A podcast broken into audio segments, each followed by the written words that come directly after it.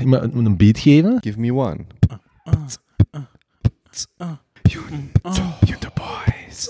Junto. Junto. Junto boys. Junto.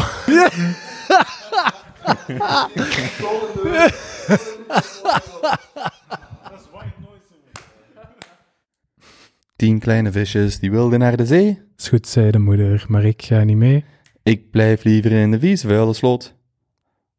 Want in de zee zitten haaien en die bijten je dood. Blub, blub, blub, blub, blub. Nee, je mocht niet dood zeggen. Dat is niet, Ah, eh, dat mag niet. nee, dat is niet eh, child, kindvriendelijk. Oké. Eh, ik denk dat alles goed staat. Ik sta goed, ik zit goed. Zitten jullie goed? Ik eh, ben juist nog... Heel goed. Mag ik beginnen opnemen? Zeker. Oké, voilà.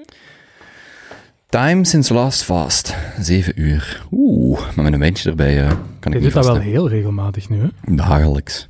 Er zijn, er zijn, Dagelijks vast. er zijn, er zijn, Intermittent. er zijn een paar dingen die ik dagelijks doe. Geen verdere vragen. Abort, abort. Jongens, ik heb goede complimenten gekregen van de vorige podcast. Ah, is het Ik waar? denk dat die studio daar iets mee te maken heeft. Eh, en de drank. Ah, dat zal het zijn. Dat is toch zo het pijnlijke. Ik kan tienduizenden euro's, euro's in een studio pompen, maar gewoon een fles wijn van 5 euro, dat is de Dat job. maakt het hem, hè. Ja, Het wat vlotter. ja, Zijn we nu aan het opnemen? ja. Ah, oké. Dat is eigenlijk gelijk een hu... ehm, hoe? School? School. Ik, ik vind het Ik echt was leuk er al aan begonnen. als dit een ding gaat worden, zo. Gewoon een glaasje wijn erbij. Vanaf nu is het een trend, hè. Oké. Ehm, ik wou nog eh, Jonas op voorhand met u bespreken, stiekem, achter Teun zijn rug, dat wij eigenlijk gewoon zouden moeten zwijgen totdat hij begint te praten.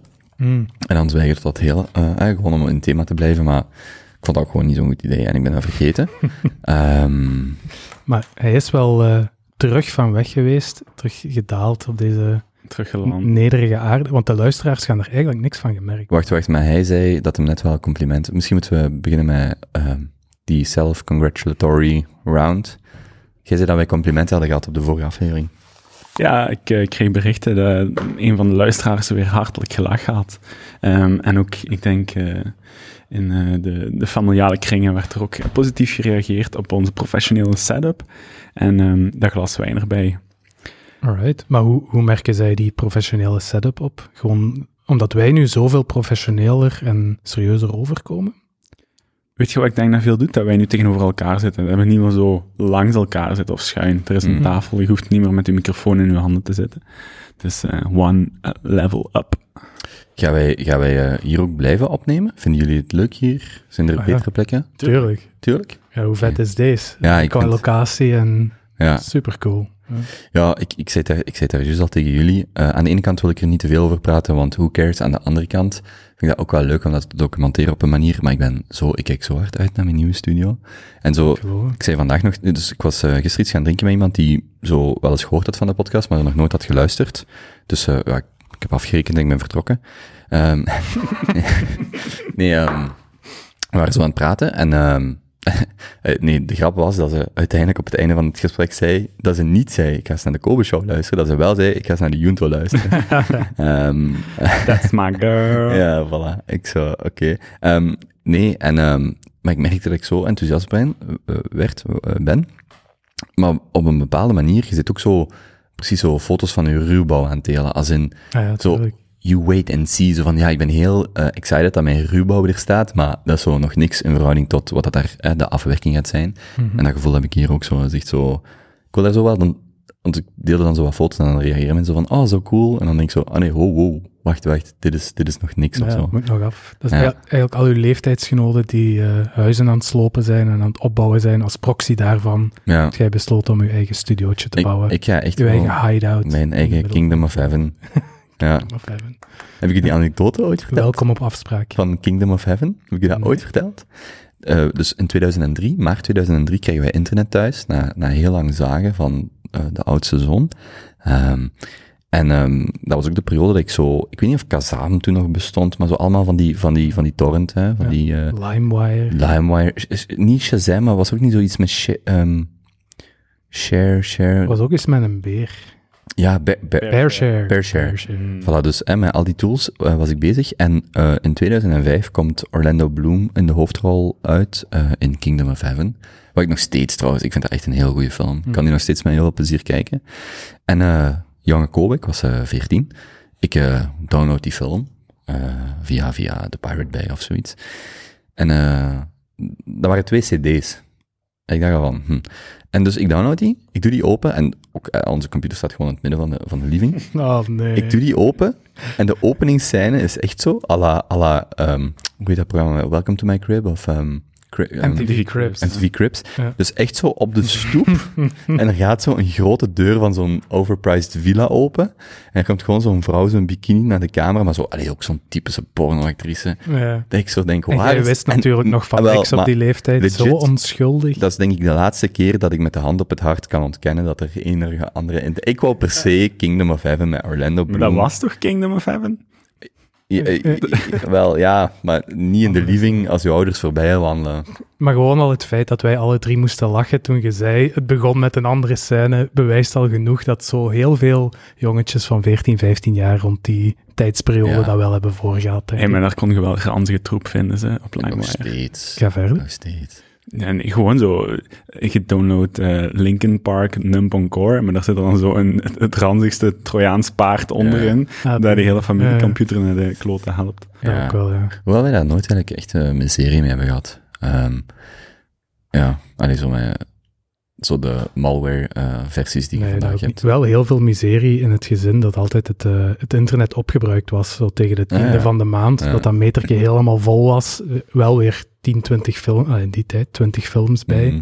maar eh, al het internet viel dan stil. En ik weet nog heel goed dat toen Lord of the Rings uitkwam, dat ik daar heb gebrand naar van die, ja, ook cd-rommetjes gaan kopen in de lokale computerhandel, terugwandelen naar huis, beginnen branden op cd'tjes en uiteindelijk, ik denk dat dat een beeld was van 5 centimeter op 5 centimeter Mhm. of zo, en zo dan de hele Lord of the Rings trilogie gezien. Van het begin. Ja, pure dedicatie, Maar je- achteraf nog wel eens opnieuw. Gezien. brandde dat om dat dan de dvd-speler af te spelen. Ja, we hadden zo'n openklapbaar, super modern, hè, zo'n openklapbaar DVD-ding waar je dat dan in kon afspelen. hè. En ook om bij te houden, te archiveren, om een archief aan te leggen. Hey, goeie, goeie impuls. Ik had, toen ik veel gamede, ik had, ik stond daar toen niet bij stil, maar ik had een MX518 Logitech muis. Die vind je nu nog zo tweedehands voor 200 euro of zo. Hey. En er is, een, er is een nieuwe versie van. En ik weet, ik ben dan naar Brazilië gegaan in 2009. En ik heb toen mijn, mijn CD's, mijn CD-spelers, van, want ik draaide, die heb ik verkocht. En ik heb ook eh, mijn, mijn gamingcomputer, want ja, ik speelde heel veel Battlefield 2. En, eh, en dus ook mijn muis verkocht. Ik heb er nog steeds spijt van. Ah, Ik zou die opnieuw tweedehands kunnen komen. maar Dat was, dat is echt voor mij zo'n artefact uit, eh, uit mijn verleden. Uit die periode ook zo. Zodat je zo 14 tot 18 of zo, allee, dat, zo heel die eerste online jaren. Age of Empires spelen. En dan die cheatcodes. Maar En dan zo de dikke be- of wat was dat zo? Dat- ja, dat Big zo- Bertha. Big Bertha, ja. ja. Ik was juist hetzelfde aan het zoeken. Big Ja. Bertha, dat is de, de cheatcode, cheatcode ja. die Ja. niemand van de 90s kids ooit zal vergeten. Nee, en ook, maar ook GTA, want dat is nog steeds, heb je niet zo, als je nu heel veel van die 80s muziek hoort, bij mij is dat echt van GTA, zo eh, Video Killed the Radio Star, dat was, er gaat dan zo van die, van die radiozenders in GTA, ja, San Andreas, Vice City, ik weet niet meer welke dat waren, zo Video Killed the Radio Star en zo, dat ik echt zo denk, dat is echt exact eh, van die periode. Ja, Ja. inderdaad. Ja. En misschien van die digitale, volledig ontrokken van de echte wereld situatie naar eh, onze eigenste teun, die toch... Gaan we daar nu al aan beginnen, ja? Ik vind, ik vind dat we daar weer moeten beginnen. Maar ik zit ik- echt ik- vol spanning. Ik vind ook wel dat na zo tien dagen abstinatie, dat hij daar ook wel zelf in mag leiden wanneer dat hij daar goestingen heeft. In, in, in En de, gewoon echt puur forceren vanuit groepsdruk. Laten voelen dat hij terug is. nu ben ik conflictend, want ik vind beide eigenlijk heel leuk. Ehm, Gewoon keihard op doorduwen, no Ja. mercy. Ja. Nee, oké, we kunnen. We hebben nog we hebben tijd, hè? Ik, ik heb wel tegen meerdere mensen de afgelopen twee weken gezegd van, eh allee, de afgelopen week eigenlijk, van, eh de maat van mij zit eh, op silent retreat. Hm. Eh, en dan was het meestal zo, wat? En dan zo, ja, tien, tien, Dat is de correcte reactie, zo- by the way. tien dagen. En dan zo, wat? En dan zo, ja, en wat mag die dan? Ik zou ja, eh, hè, niet praten, ehm, eh, geen oogcontact, niet rukken, niet vogelen. Eh, die mag eigenlijk helemaal niks. Drie dagen, drie keer per dag vegetarisch, of ah, dat weet ik niet wat, eh Correct. of veganist is, vegetarisch. Vegetarisch, Ar- Ayurvedische keuken. Eh, voilà. En eh, ja, mensen snappen, zo, dat is zoiets zo, does not compute, zo. Ja, ja. Zo parsing error, als je dat tegen mensen zegt. Zelfs alle spiegels waren afgeplakt. Jesus Echt? Christ. Zalig. En als je dan zo even een reflectie in een raam ziet, word je Ja. dan zo helemaal gelukkig? Er was één raam aan de keuken waar ik iedereen zag voorbij komen. Dus even kijken. Oh, prachtig. En, en als je dan kijkt, vroeg je dan zo, wie is deze schel? Of, of was dat pas later? Of, Wie is deze ik ga het raam even dichten trouwens. meat, meat machine waar mijn ziel in rondloopt? Jesus Christ. Ja, ik ben eerlijk gezegd zelf ook nog niet helemaal mee met of ik het nu heel cool of heel raar vind. Ik snap, mediteren, daar ben ik al bij mee. Hè. En zo één dag, dat zie ik ook nog wel zitten. Tien dagen gaat er bij mij gewoon los. eh, all the way over my head. Nee, het was, het was wel een heel, heel maffe ervaring. Ehm, eh, zeker iets wat ik jullie zou aanraden. Ik heb zelfs, ik zal straks even voorlezen wat dat ik voor projecties had gemaakt omtrent juli tien dagen. Dus ik, heb, ik had daar te veel tijd, dus ik ben ook zo wat gaan, Schwamies. ben ik wel aan mijn schwamies gaan denken. Ik heb heel veel aan jullie gedacht, by the way. Oh. Ehm, en dan een beetje geprojecteerd hoe dat, dat zou zijn voor de verschillende Junto Boys om daar eh, die tien dagen vol te houden. Maar daar zal ik straks op terugkomen. Maar je mocht daar dus wel schrijven of een dagboek wel of iets bij ja. houden. Ah, ja. Ja. Ja, en inderdaad, een van mijn projecties was dus dat als Kobe daar zit, dat hij echt gelijk tien notitieboekjes vol zou schrijven. Zeker weten. Mij echt niet, hè. En dat heb ik er ook wel wat zien doen. Ehm, ja, supercoole ervaring. Eh, wel onderschat. Niet zozeer op, op eh, vlak van hoe moeilijk het is om tien dagen te zwijgen en het vol te houden. Hm. Dat gaat echt wel als je een beetje in orde zit. Maar ehm, gewoon qua impact. Qua hoe diep dat je kunt gaan en, en wat ze in je los kunnen weken. Dat had ik niet verwacht. Zo?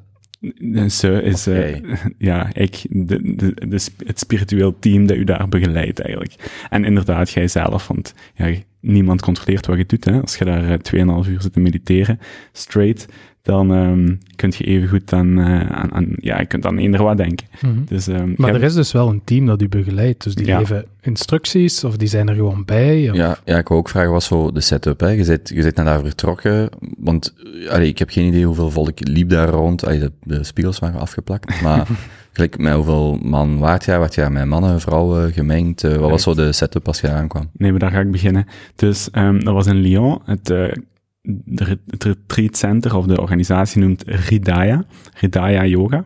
En dat betekent hart, of het open hart, Hridaya. Ehm, en dat is een organisatie die heeft locaties in Frankrijk, Roemenië en Mexico. En dat is een non-profit, draait volledig op vrijwilligers. We hebben alles opgebouwd op basis van giften en donaties. Ehm, en die hebben een château gekocht in eh, de Beaujolais in Frankrijk, dicht bij Lyon. Een château van 200.000 euro, die ze volledig moesten renoveren. En ze zijn daar nu vier jaar bezig. Een prachtig domein, midden in de heuvels, midden in de bergen. Dus we kwamen eraan, schitterend weer. Al die mooie herfstkleuren was, waren juist eh, door de bomen aan het trekken. Ehm, en, en ja, gewoon een heel cool domein met, met van die, ehm, van die hexagonale domes in de bossen, hutjes in de bossen, eh, platformen waar je op kon liggen. Dat was, dat was, in België zouden we dat geen bossen noemen, dat zijn wouden. Dat is echt vol met everzwijnen, eekhoorntjes, paddenstoelen. Het is een fantastische omgeving om in aan te komen.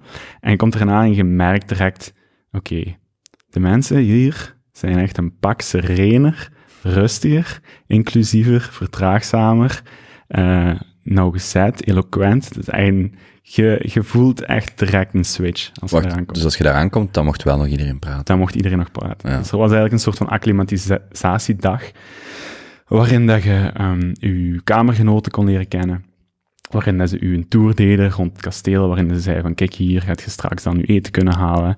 Ehm, je mocht hier vrij rondlopen, je mocht hier doen en laten wat je wilt. Dit is de permacultuur, dit is het openluchtzwembad. Eh, ehm, en de kosten ook allemaal niet zoveel. 750 euro voor 10 dagen Amai. drie Wat- keer eten, twee keer warm. Dus het is allemaal nog wat. Het is sober, het is heel sober, maar het is wel dik in orde. Mhm. Dus we krijgen daar die rondleiding. Ehm, op dat moment zouden er twee groepen in retreat, in retreat gaan.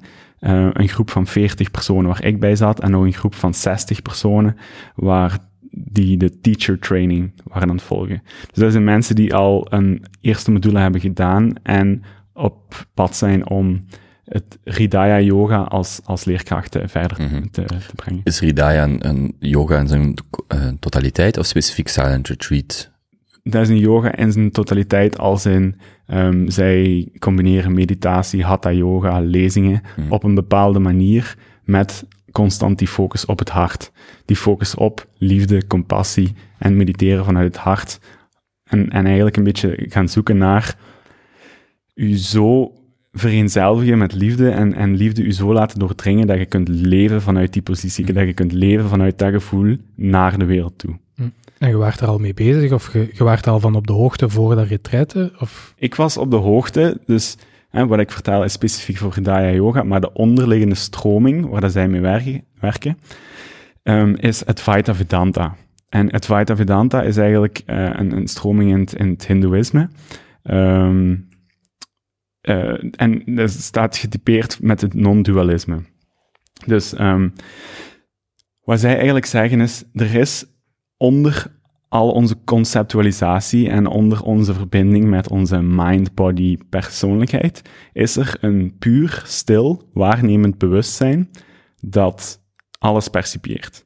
Dus wij zijn niet, niet noodzakelijk het scherm, of wij zijn niet noodzakelijk de drama's die op het scherm afspelen, maar we zijn het scherm zelf. Hmm. En ehm, zij zeggen van, kijk, het subject, Teun, die naar het object Kobe kijkt, zijn allemaal ehm, ja, manifestaties van datzelfde bewustzijn. Dus je deelt een éénzelfde bewustzijn of éénzelfde bron, éénzelfde essentie met alle andere die op deze planeet of alle andere manifestaties van die absolute source. Dat is eh, het, het Mhm. non-dualisme, waar je ook wel eens, eh, dat, je, dat je in veel andere godsdiensten ook terugvindt. Wacht, Ja. en het dualisme is dan, is dat dan de eh, verhouding ego, eh, of eh, Eerder, de- eerder eigen bewustzijn, buiten, be- allee, dualisme vermoed ik dat eerder de verhouding zal zijn waarbij dat God echt als een, ehm, als een andere entiteit gezien wordt. Hmm. Terwijl in dit concept wij uit dezelfde bron zijn die andere God. Of wij uit dezelfde bron komen die andere God noemen. Hmm. Ehm, nu, dat non-dualisme, dat komt ook voor in orthodox christendom, Sufisme, Tibetaanse Dzogchen eh, eh, boeddhisten. En de Sam Harris baseert zich daar ook op. Mhm. Wat hij eigenlijk altijd in zijn, in zijn meditaties doet, is try to turn attention upon itself. Ja. Zegt hem altijd. And you have no head. Ja. Eh, of eh, look for the one who's looking. En daarmee refereert hij altijd naar dat eenzelfde achterliggende stille bewustzijn. Maar hij noemt dat gewoon awareness. Bij Hridaya Yoga durven ze dat divine truth te noemen. Cosmic intelligence. Dus daar gaat al iets verder. Ik als jonge westerling vind het iets gemakkelijker om Sam Harris te geloven. Maar de awakened bro in mij kan wel tien dagen divine truth aan. Hmm. Mhm. Dus ehm, dat was eigenlijk wat ik wist. Ik wist dat zij met Advaita Vedanta bezig waren. Ik wist dat zo die, die moderne spirituele meesters zoals Eckhart Tolle van Power of Now en Muji, die kun je op, eh, op internet terugvinden, dat zijn heel toffe meditaties. Maar die, die baseren zich ook allemaal daarop. Allemaal op het concept van er is een achterliggend bewustzijn dat altijd rustig is, waar je op terug kunt vallen. En dat, als je je daarmee identificeert, hoeft je je niet te laten meesleuren in je emoties en in je trauma's. Mhm. En ze bedoelen dan echt specifiek geen persoonlijk achterbewustzijn, maar een gedeeld, globaal... Ja, zo, dat is waar zij... dat is waar zij in geloven, in principe. Hè? Dat iedereen van diezelfde source, van diezelfde eh, eh, absolute of, of eh, ja, wat zeggen zij? Ze zeggen supreme bliss, absolute consciousness. Ze zeggen eigenlijk consciousness of oneness. Hm. Ehm, dat daar dat dat de bron is waar dat alles uit ontstaat. Je hebt zo die, dat is geen perfecte analogie, maar iedereen zegt, ik, ik sta in de file, maar Mhm. je zijt de file. Zo, de notie van Die in de, mooi. file, in de file staan, dat is geen individueel ding. Zo, je zijt. En dat is niet de perfecte analogie, maar daar Nee, moet je dan zo vaak aan ik denken als je zo de brug probeert te maken van hoe gaat je van ik naar een systeem. Maar goed, ai. Mhm. Oké. Dus ehm, ik wist dan dat zij Ramana Maharshi ik, ik weet ook niet of ik nu grapjes mag maken. Je mocht, dat al- je mocht zeker Bij mij is er heel hard error, error, does not compute. Maar dat, dat Nee, bij mij, bij mij is er zo, toen hij zei van wat voor mensen, ik zou, zou je daar ook stille vernoot kunnen worden? Of, allee, zo. en ik zit hier gewoon echt zo gelijk zo mijn gevulde blaas van, mag ik nu mopjes maken of niet? Jawel, wel. Tuurlijk, Smijt die de mopjes. Smijt die mopjes ertussen, want anders Ja. kan het wel eens droog worden. Maar het is even droog en daarna ga ik naar de anekdotes. Ehm, dus zij werken met Ramana Maharshi. Ik kende Ramana al. Ehm, ik heb er een paar heel schoon documentaires van gezien. Dat is een van de laatste yogis. Die heeft van ne- 1890 tot 1960 geleefd. 30 jaar in een grot gemediteerd. Ehm, en ja, 30 jaar in een grot, inderdaad. En die heeft zo self-inquiry grootgebracht. Dus op zelfonderzoek gaan. En zijn zinnetje was, who am I? Dus hij, hij, hij gaat altijd op zoek naar who am I, om dan terug te vallen op, ik ben dat onderliggende bewustzijn. En dat is ook eh, wat zij dan verkondigen, of eh, u proberen aan te leren bij Ja, in een grot. Ja, daar zijn ook echt mopjes over te maken. Ja, ik, ik, zeg, ik zeg, het dichtst wat, daar, het dichtst wat daarbij komt is Fritsel. maar dat was 24 jaar of zo. Ja, en in deze had er geen eh, dochter aan overgehouden. nu, Sorry. Het coole, het coole aan eh, non-duality is dat het experience-based is. Dus je hoeft in principe niet echt ehm, een guru te geloven. Je kunt gewoon zelf mediteren en zien, geraak ik tot bij dat bewustzijn dat, waar het stil is. Waar dat ik niks anders percipieer als eventueel mijn constant veranderende flow aan zintuigelijke prikkels, maar voor de rest is het stil. Kan ik daar geraken? En dat lukte mij af en toe tijdens medita meditaties de Pre- afgelopen jaren ja, ja, ja. de afgelopen jaren. Dus ik had zoiets van, ik ben heel benieuwd wat daar nog zit. Ik ben heel benieuwd wat er gebeurt als ik daar tien dagen op mag focussen. En ik denk dat als je interesse hebt om een retreat te doen, dat het heel handig is of heel, eh, heel veel waarde heeft om al eens een paar momenten van absolute stilte Mm. te, te hebben ervaren, waarin dat je je niet identificeert met je mind-body persoonlijkheid. Mhm. Als je dat nog niet hebt gedaan, gaat het ook zo waarder op de retreat. Hm. Een van mijn kamergenoten had nog nooit in heel zijn leven gemediteerd. Hm. Ja, dat is een ander verhaal dan. Dat is, een- dat is een, die hebben een andere subjectieve ervaring gehad als ik. Beschrijft al mijn dates. Die heeft een andere subjectieve ervaring als mij gehad. Oké. Ja. Maar en met die stilte bedoel... Want het enige waar ik ooit geraakt ben, is om zo die interne stem een beetje uit te zetten voor een paar seconden. En daar stopt het dan. Maar dat gaat dan nog veel verder dan... Er zijn echt momenten geweest dat ik een half uur lang gewoon... Gewoon complete void. Gewoon Mhm. mental void. Hm. Dat is, dat is zeker wel gelukt. Dat is wel, als je die ervaring aan iemand zou kunnen geven, bij wijze van spreken, dat, is toch, dat wens je toch iedereen toe om... Eh dat is op zich een ervaring, ja. Ehm, je ze noemen dat peak experiences. Hè, we hebben het daar vaak over gehad, ook daar. Ehm, peak experiences, maar eigenlijk draait het daar niet zozeer om. Het is ehm, peak experience of altered state of consciousness. Maar je wilt geen altered state of consciousness hebben, je wilt altered traits of consciousness hebben. Je wilt, je wilt eigenlijk dat die tijd die je daar spendeert, dat die ja, je, je dagdagelijkse bewustzijn ook gaat beïnvloeden. Ja, Mm. ja. En dat je niet gewoon Focust Sam Harris ook veel op, hè. Die geeft vaak dan de oefening mee van proberen zo'n op je dag of aan een moment, als het maar de afwas doen, Mm. eh, die, die, die mindful state, of ik weet niet hoe je het noemt, ehm, daarin te integreren. Klopt. Maar dus, we zijn op die hè, ehm, eh, dag waarin dat je je je gewoon mocht oriënteren. En we staan er met onze groep van, van 40 ja, beginnelingen of, of, of jonge, aspirerende eh, medi- meditators.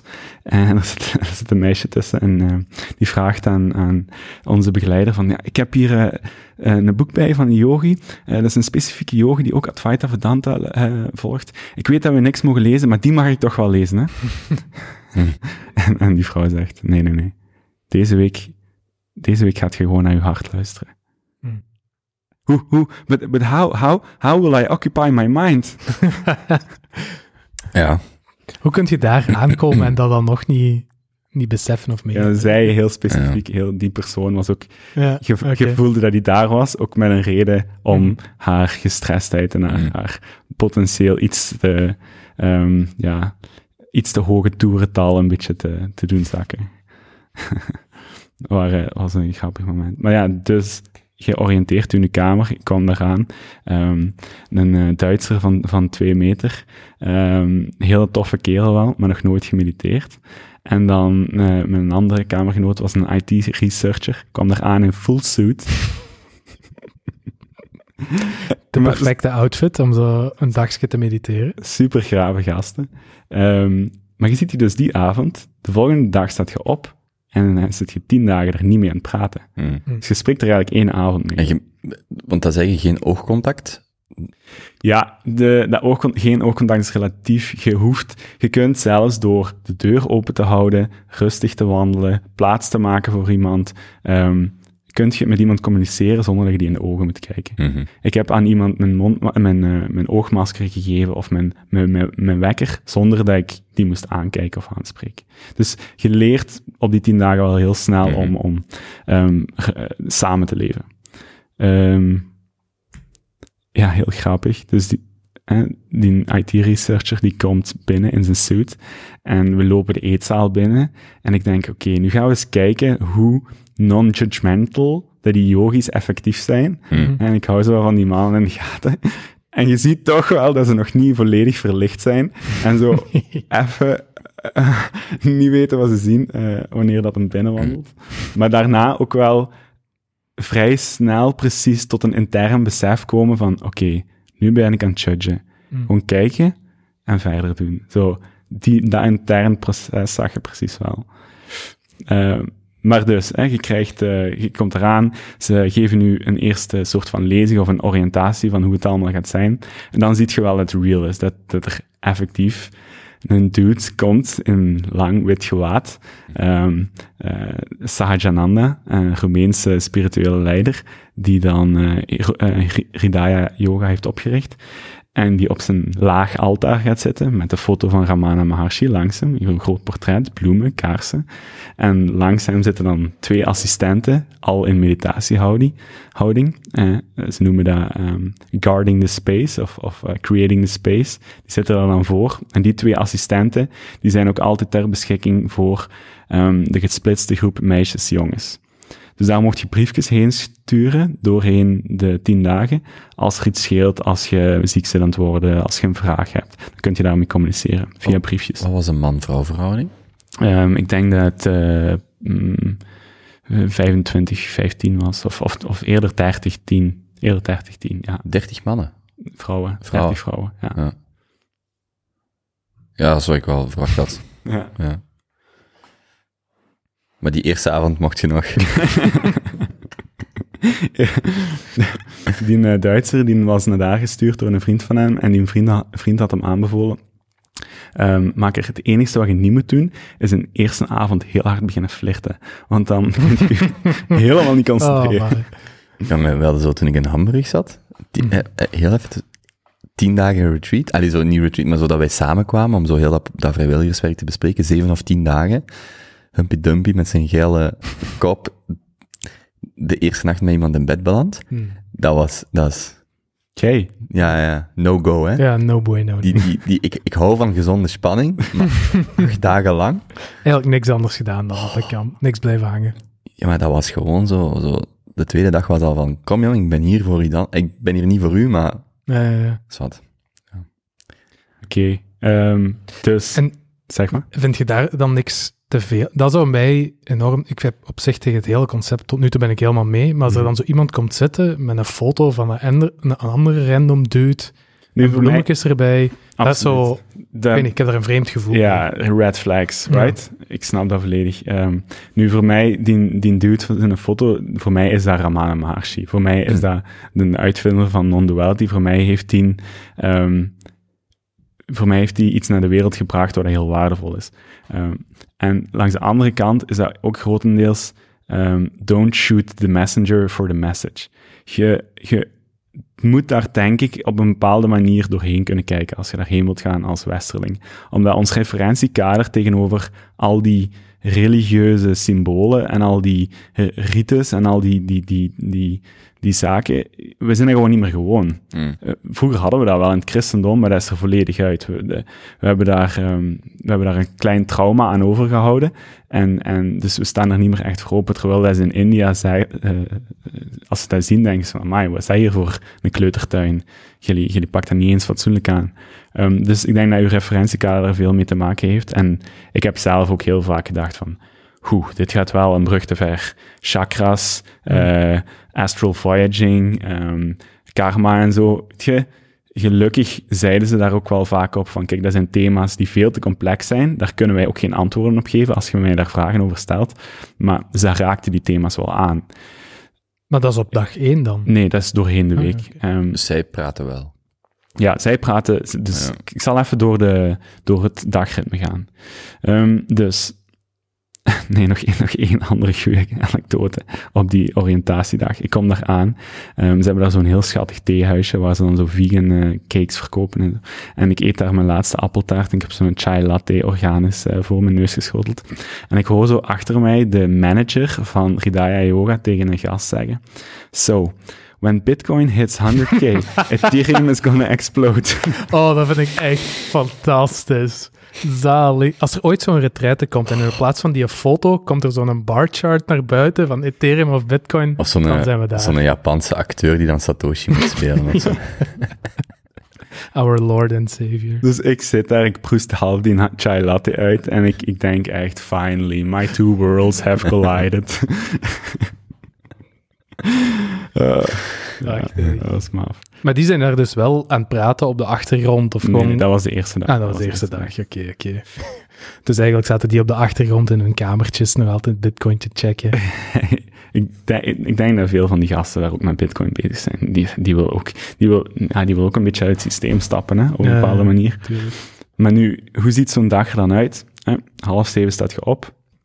Ehm zes uur, eh, zeven uur begint je te mediteren. Of dan begint je eerste meditatiesessie van twee uur. Die wordt wel opgesplitst met pauzes. Eén à twee pauzes in de eerste dagen daarna. eh, nog één pauze tot geen pauze meer. Als je nog nooit gemediteerd hebt en je moet dan Ja, twee uur stilzitten. Ja. Dat is wel nice. Dus je mocht dan in de ochtend je plekje zoeken. Hè? Dat is een yogamatje, daar liggen heel veel kussens. Je mocht effectief gaan zitten zoals de yogis het doen, maar dat moet niet. Dus ik zet me daar, komt die Duitser langs mij zitten, die nog nooit gemediteerd heeft. Een kerel van twee meter, die zijn benen echt nergens kwijt kan. En ik zie die zo vanuit mijn ooghoeken echt al struggle van, oké, hoe moet ik dit hier in hemelsnaam doen? En we zitten vijf minuten te mediteren en ik merk dat hij echt enorm veel speeksel produceert. Oh, God, Je moet no. echt om de vijf minuten slikken, ook nog eens. Dat is gewoon zo constant. ja, dan wordt het wel moeilijk natuurlijk.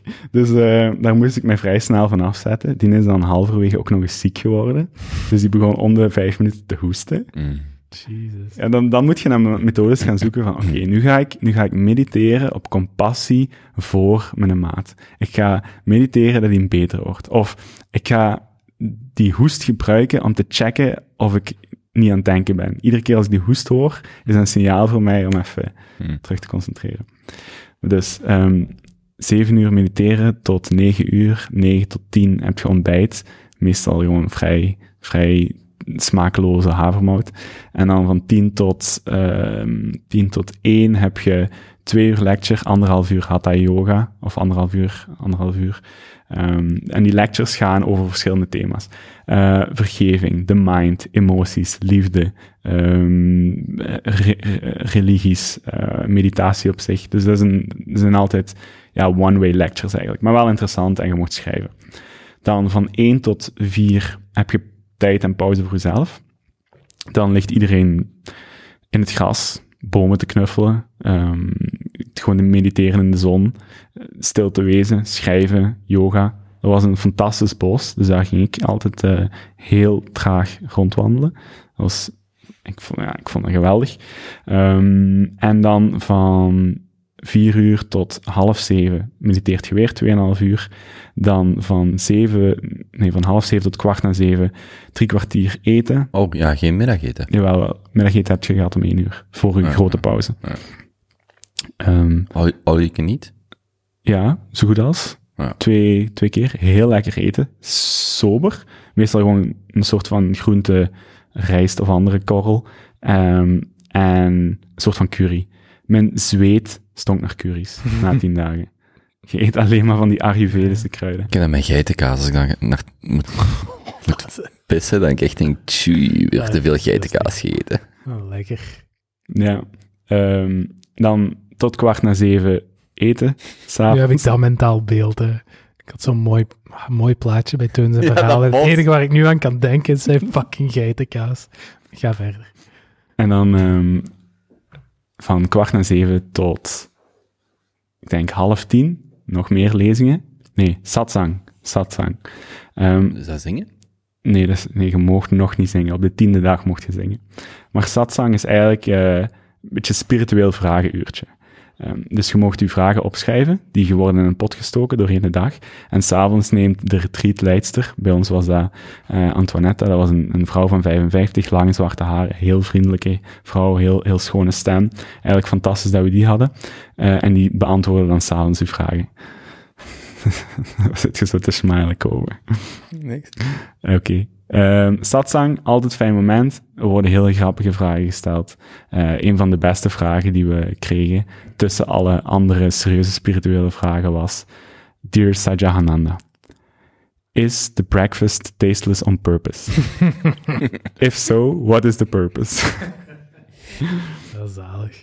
Maar dus als je daar allemaal zit, dan mocht je nog altijd niet in elkaars ogen kijken. Dus wat, doe- wat doet je dan? Je kijkt naar de grond? Of nee, je kijkt kijkt, je kijkt gewoon. vooruit. Ja, je mocht Ja. wel in de retreatlijster kijken. Hè? naar... Ah, ja. Dus dat is wel altijd uw focalpunt.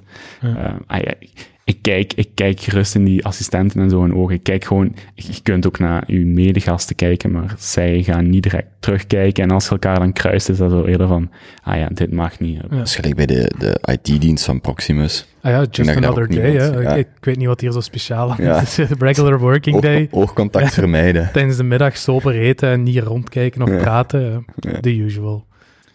Oké.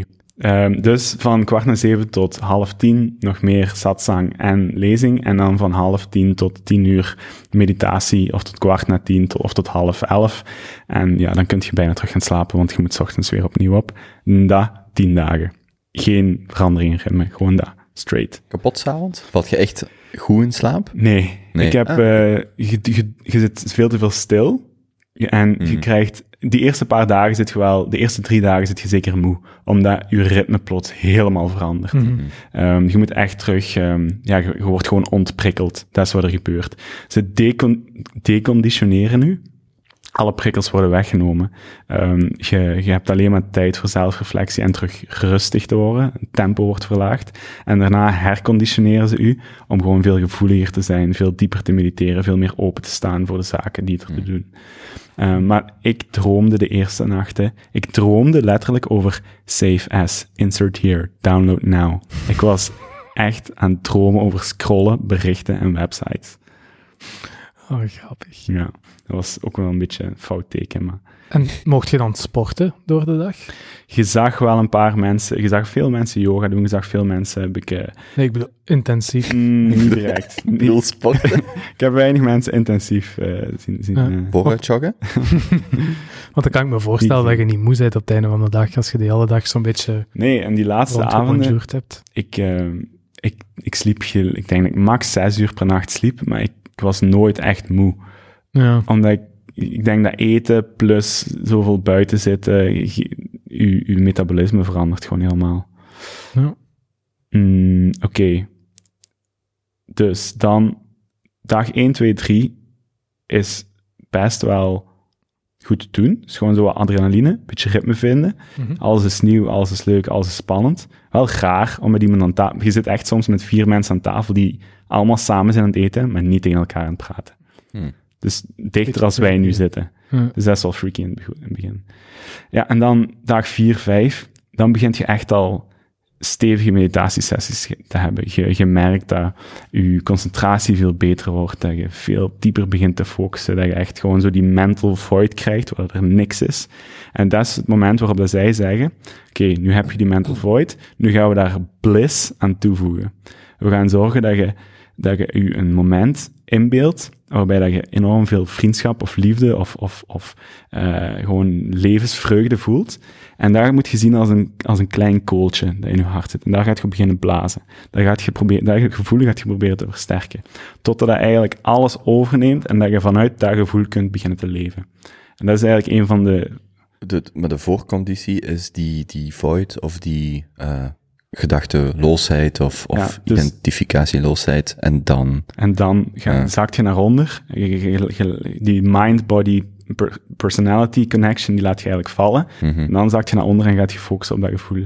maar dat is, dat is dan eerder individueel, want ik kan me voorstellen dat die Duitser daar niet op dag vier of vijf, misschien de koeren niet, niet aankwam. Exact. Dus eigenlijk alles wat ik hier vertel is natuurlijk ook een subjectieve ja. ervaring. Eh, Wat ik wel nog even wil vragen, ik heb zo, als ik bijvoorbeeld ga wandelen, ik heb echt een periode, eh, dus als ik bijvoorbeeld 13 dagen weg ben, tot, en dat is elke keer tot nu toe gebeurd, tot dag 7 of 10 denk ik echt constant van, wat de fuck ben ik eigenlijk aan het doen? En, en, en ineens zit je zo in je ritme, en dan valt dat volledig weg. En ik vind dat, ik heb dat nu al drie keer gemerkt, dat duurt echt zo'n week, 10 dagen. En ik vroeg me af of je ook zoiets had dat je zo, een periode, de eerste dagen misschien, of ik, ik weet dat niet, dat je echt zoiets had van, huh? En dan dat misschien dat idee wegviel of zo, of dat je dan zo in je, ja, je ritme of je acceptatie of hoe je het wilt noemen, zat of zo. Want dat is iets wat ik bij mezelf herken in, in sommige situaties. Ik kan me voorstellen dat daar ook zo heb, dat dat echt zo tot een bepaald moment van what the fuck, en dat je dat dan ineens om, omarmen of kunt omarmen of zo. Ja. ja, die eerste drie dagen is dat zo. Dan zit je, wat is dit allemaal? En mensen zijn hier bomen aan het knuffelen en hier loopt een dude rond die nooit schoenen aan heeft. En Hmm. zo, je zit zo alles een plek aan het geven. Maar op den duur zit je zo transparant geworden voor jezelf, dat je gewoon je eigen gedachtenpatronen en gewoontes ziet passeren. En, en je hoort het ook al in wat ik zeg. Ik merkte gewoon, ik ben nog steeds aan het judgen. Ik ben constant maar Mhm. mensen dan zo daar een verhaal rond aan het bouwen. En, en dat transparanter worden en dat beginnen te identificeren met de achterliggend stil bewustzijn, waardoor dat je al je, je dagdagelijkse troep en al je, al je gewoontes die je hebt opge, opgebouwd in deze realiteit, of in deze maatschappij, eh, dat je, die worden gewoon heel duidelijk. En dat is confronterend. En ik denk dat voor sommigen heel confronterend is geweest. Hoorde ik later dan ook op de sharings. Op de tiende dag mocht je delen. Ehm, maar dus die combinatie van veel transparanter te worden, veel je tempo te verlagen, ehm, eh, heel diep te gaan mediteren en dan ook nog eens vaak op, op liefde en compassie te mediteren. Daarmee ook dat ik heel vaak aan jullie dacht, omdat onze, onze relatie het laatste jaar is gewoon is nog een, een, versnelling hoger geschakeld en, en we zien elkaar zo vaak. Dus ik haalde daar heel veel, ik haalde daar zo echt wel een, een goeie, herkenbaar, actueel gevoel uit.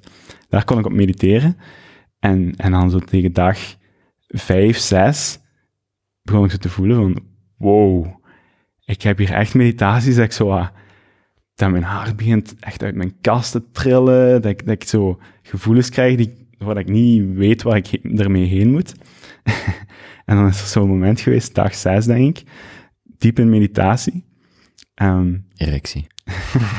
Nee, ik, ik, heb echt zo het gevoel van, oké, ik, ik kom hier aan op een soort van essentie die mij zoveel vertrouwen geeft en waar ik zo op kan terugvallen. En ik ben gewoon keihard te blijten. Hmm. Echt blijten.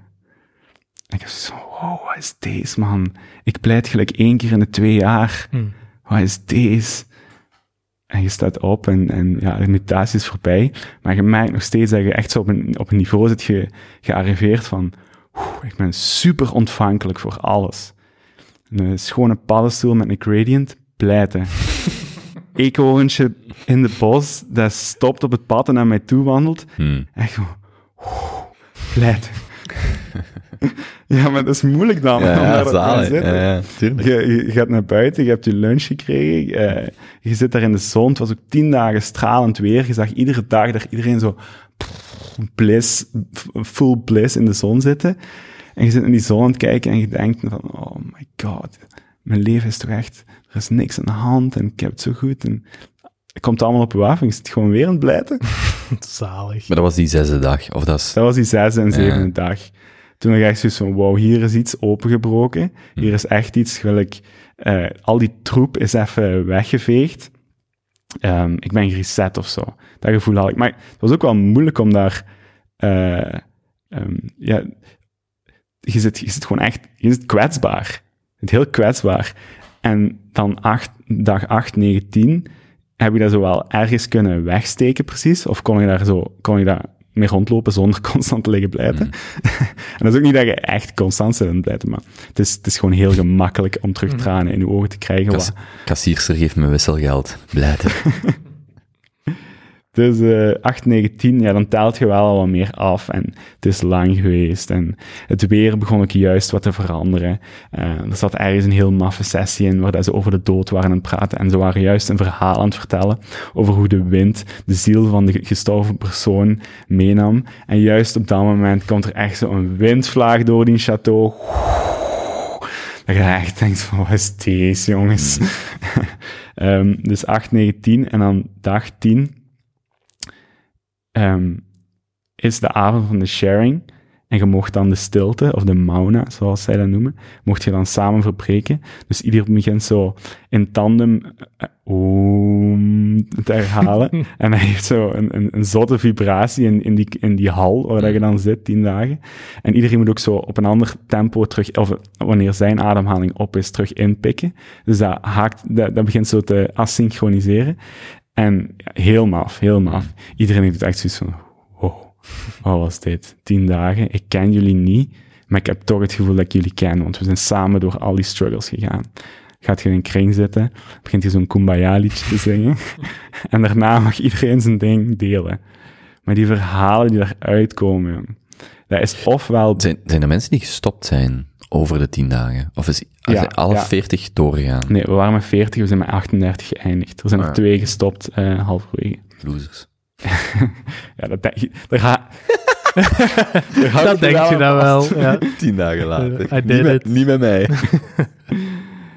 Ja, en dan dus geshared en, en eh, ik moest er dan ook gaan zitten en ik had, ik had, zo, ik had een gedicht voorbereid en ik had dan een gedicht gezegd. En ik had dat gedicht gemaakt omwille van, ze, spelen heel veel met, ehm, eh, met niet religieuze, maar spirituele eh, poëzie van de soefisten van Rumi en van Hafez. En zo de, de soefisten hebben hele mooie eh, gedichten gemaakt eh, rondom, rondom liefde en, rondom al die thema's. Een van de mooiste is, ehm had ik doorgestuurd gekregen van Ilse. Ehm, Wisdom tells me I am nothing, love tells me I am everything, and between the two my life flows. En dat gedicht zegt eigenlijk heel goed wat er op die tien dagen gebeurt. Dus we zitten daar in die kring, en dan pas merk je van, oké, de verhalen die hier naar boven komen, met mij, ik heb geen problemen. Er komen verhalen naar boven, dat is echt pittig. Ik, uiteindelijk, ik ben gewoon een, een witte, blanke, nieuwsgierige millennial met te veel opties, die een beetje afgestompt is door crypto en een smartphoneverslaving. Dat is mijn probleem. Maar voor de rest, er is niks aan de hand. Er zat een meisje, dat was haar derde retreat, en die was in haar jeugd door zes verschillende mannen verkracht. En de enigste manier waarop dat die met een geheven hoofd door het leven kon gaan en zich mentaal sterk kon houden, was door eindeloos met compassie en liefde te blijven mediteren voor haar daders op de omgeving en situatie waarin die waren beland om daar haar aan te kunnen doen. Dat is heel stevig. Toen ik, ja, als je zo'n verhaal hoort, dat is pittig op dat moment. Er was een, nog iemand anders, dat was ook mooi, die ehm, een meisje met een migratieachtergrond, islamitische ouders, heel gelovig, verhuizen naar Duitsland. Zij begint daar advocatuur, rechten te studeren, en die hun leefwerelden komen volledig uit elkaar te liggen. Dus die vinden geen connectie met elkaar, zij met haar ouders. Zij komt op retreat om eigenlijk de onderliggende universele waarden van God en het, het, het grotere te begrijpen, zodat ze op die manier terug connectie kan zoeken met haar ouders om daar terug dichterbij te groeien. Dus je, je zit daar, niet alle verhalen zijn zo heftig en niet iedereen heeft zulke, zulke eh, trauma's of, of levensgebeurtenissen waarop dat ze hun motivatie voor de meditatie eh, baseren. Maar het is wel, het is, het is heel mooi, dat moment. En daarna, dus die sharing gebeurt, hè, iedereen happy, happy, joy, joy, superveel knuffels en iedereen is blij. En dan mocht je nog zo naar de, naar de, de etage daarboven, zo grote zolderzaal is, waar dan de teacher training doorgaat. Daar zit ook nog eens iedereen te knuffelen en blij te wezen en te sharen. Dus dat is wel echt een heel magisch moment dat je zo eindelijk alles mocht loslaten. En de mensen waar dat je vriendelijk voor zit geweest en die voor u hebben gekookt en die hebben alles ondersteund, die delen dan. Daar, daar kun je dan mee delen, kun je eindelijk mee praten. Ehm, ja, en dan de volgende dag moest ik naar huis. ben ik in de auto gesprongen met een Belg. Hebben we een extreem rationeel gesprek gehad. Dus was de bitcoinprijs. Eh, ja, hoe, hoe lang duurde het vanaf dat je terug mocht praten of je gsm mocht pakken totdat je de bitcoinprijs hebt? Ah nee, maar je hebt er ik heb de Ja, bitcoinprijs eh, pas gecheckt toen ik effectief met dat filmpje. ja, ja, in, in Pelt was. Maar het maffe was, hè, super rationeel gesprek met, eh, met, met die, met die eh, Belg. Heel toffe kerel wel, by the way. Ik denk dat hem ook eens aan het luisteren. En dat was echt, gewoon- dat was zo, ja, gewoon terug alsof ik met een Junteboy was aan het babbelen. Met een Junteboy de ervaring aan het analyseren. Mhm. En dan eh, naar huis gegaan, eh, met onze opa naar het kerkhof gegaan, daar een kerk binnengewandeld, maar je had dan tien dagen over God gebabbeld en over, over het hogere. In die kerk pleiten. Probeer tegen ons mama uit te leggen wat, er- wat ik allemaal had gevoeld, wat ik allemaal had meegemaakt. Ik kreeg dat niet uitgelegd. maar als in geen woord. Als in, als gewoon- ik, ik kreeg wel iets gezegd en dan was ik aan het pleiten in de passagiersstoel. En ons mama, "Ko, het is goed jongen, het is goed, het maakt niet uit, het is niet erg. Zet de zetelverwarming nog iets hoger. Het is oké. Ik zeg, mama, wat is dit, jongen? Gewoon echt zo, zo gevoelig en zo Mm. puur als een babytje. En dat had ik helemaal niet verwacht. Dat, zo, weet je, er zat ergens zit er een soort van klein spiritueel ego dat denkt van, oké, tien dagen meditatie gaan we wel eens doen, ik ben nieuwsgierig, dat komt helemaal goed. Mhm. Maar ik had niet verwacht dat dat zo diep zou kunnen gaan, of dat je de kans zou krijgen om zo terug wat puurder te worden. En, en het gevoel te krijgen dat je misschien terug meer over, om iets geeft, dat, dat is wat erachter bleef. Het is nog niet echt het moment om te vragen of dat een bepaalde blijvende consequentie heeft, maar hoe, hoe staat je daar tegenover? Is dat iets wat een, eh, een, eh, een, een, tussen aanhalingstekens, een leven voor en een leven erna is? Ehm, Met zo'n ervaring? Ja, dus we zijn dag vier of zo, hè, Ja, dus, eh, ja. moeilijk zeggen. Ja. Ja, je mediteert nu meer, want je weet wat je eraan hebt. Ehm, en ik denk dat je sowieso, je hebt, er, er, er is u een plek getoond, enerzijds de omgeving Hridaya, maar ook anderzijds intern, eh, qua, qua een gevoelsmatige Hmm. plek en, en ook een, een staat van bewustzijn, die je weet dat, waar je toegang tot hebt. En dan is het aan u om te kiezen hoe, hoe, in welke mate dat je Ja. vanuit daar wilt leven. Dat is, dat is grappig, dat is exact wat ik tegen uw madame heb gezegd, eh, toen ze twijfelde om te gaan wandelen.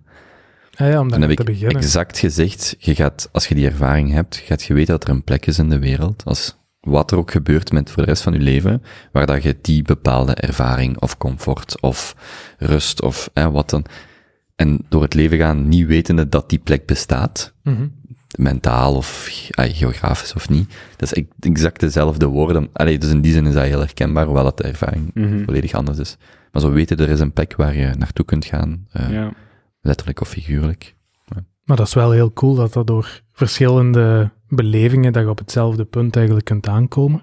Ik denk dat ik het ook eerder Ja, op niet, ja, ja, een andere soort beleving. maar of dat je weet dat er zo, dat, dat valt, dat is dan toch, dat je niet, dat er plekken zijn waar je daar misschien kunt ehm, ehm, beschermen en dat je niet wordt meegezogen of meegesleurd in wat dan ook de situatie is, maar waar je even kunt zo rust pakken. En dat kan Mhm. zijn door even weg te gaan, door, door tien minuten te mediteren, door en ik zou zeggen dat voor veel mensen is dat eh, de fles alcohol waar ze naar grijpen, of de sigaret of de drugs, dat is ook even Ja, weg, of, of weg van, Weg of een, ja, ja, dus zowel op het positieve als op het negatieve spectrum. Allee, ja, dat zijn niet de beste termen, maar het, misschien het vluchten of het... bes- Mhm. Eh, maar inderdaad, dat er zo meerdere plekken zijn of meerdere kamertjes in uw ziel leven. En dat dat voor iedereen ook helemaal anders kan zijn over hoe- Absoluut. hoe dat ze daar Ja. komen.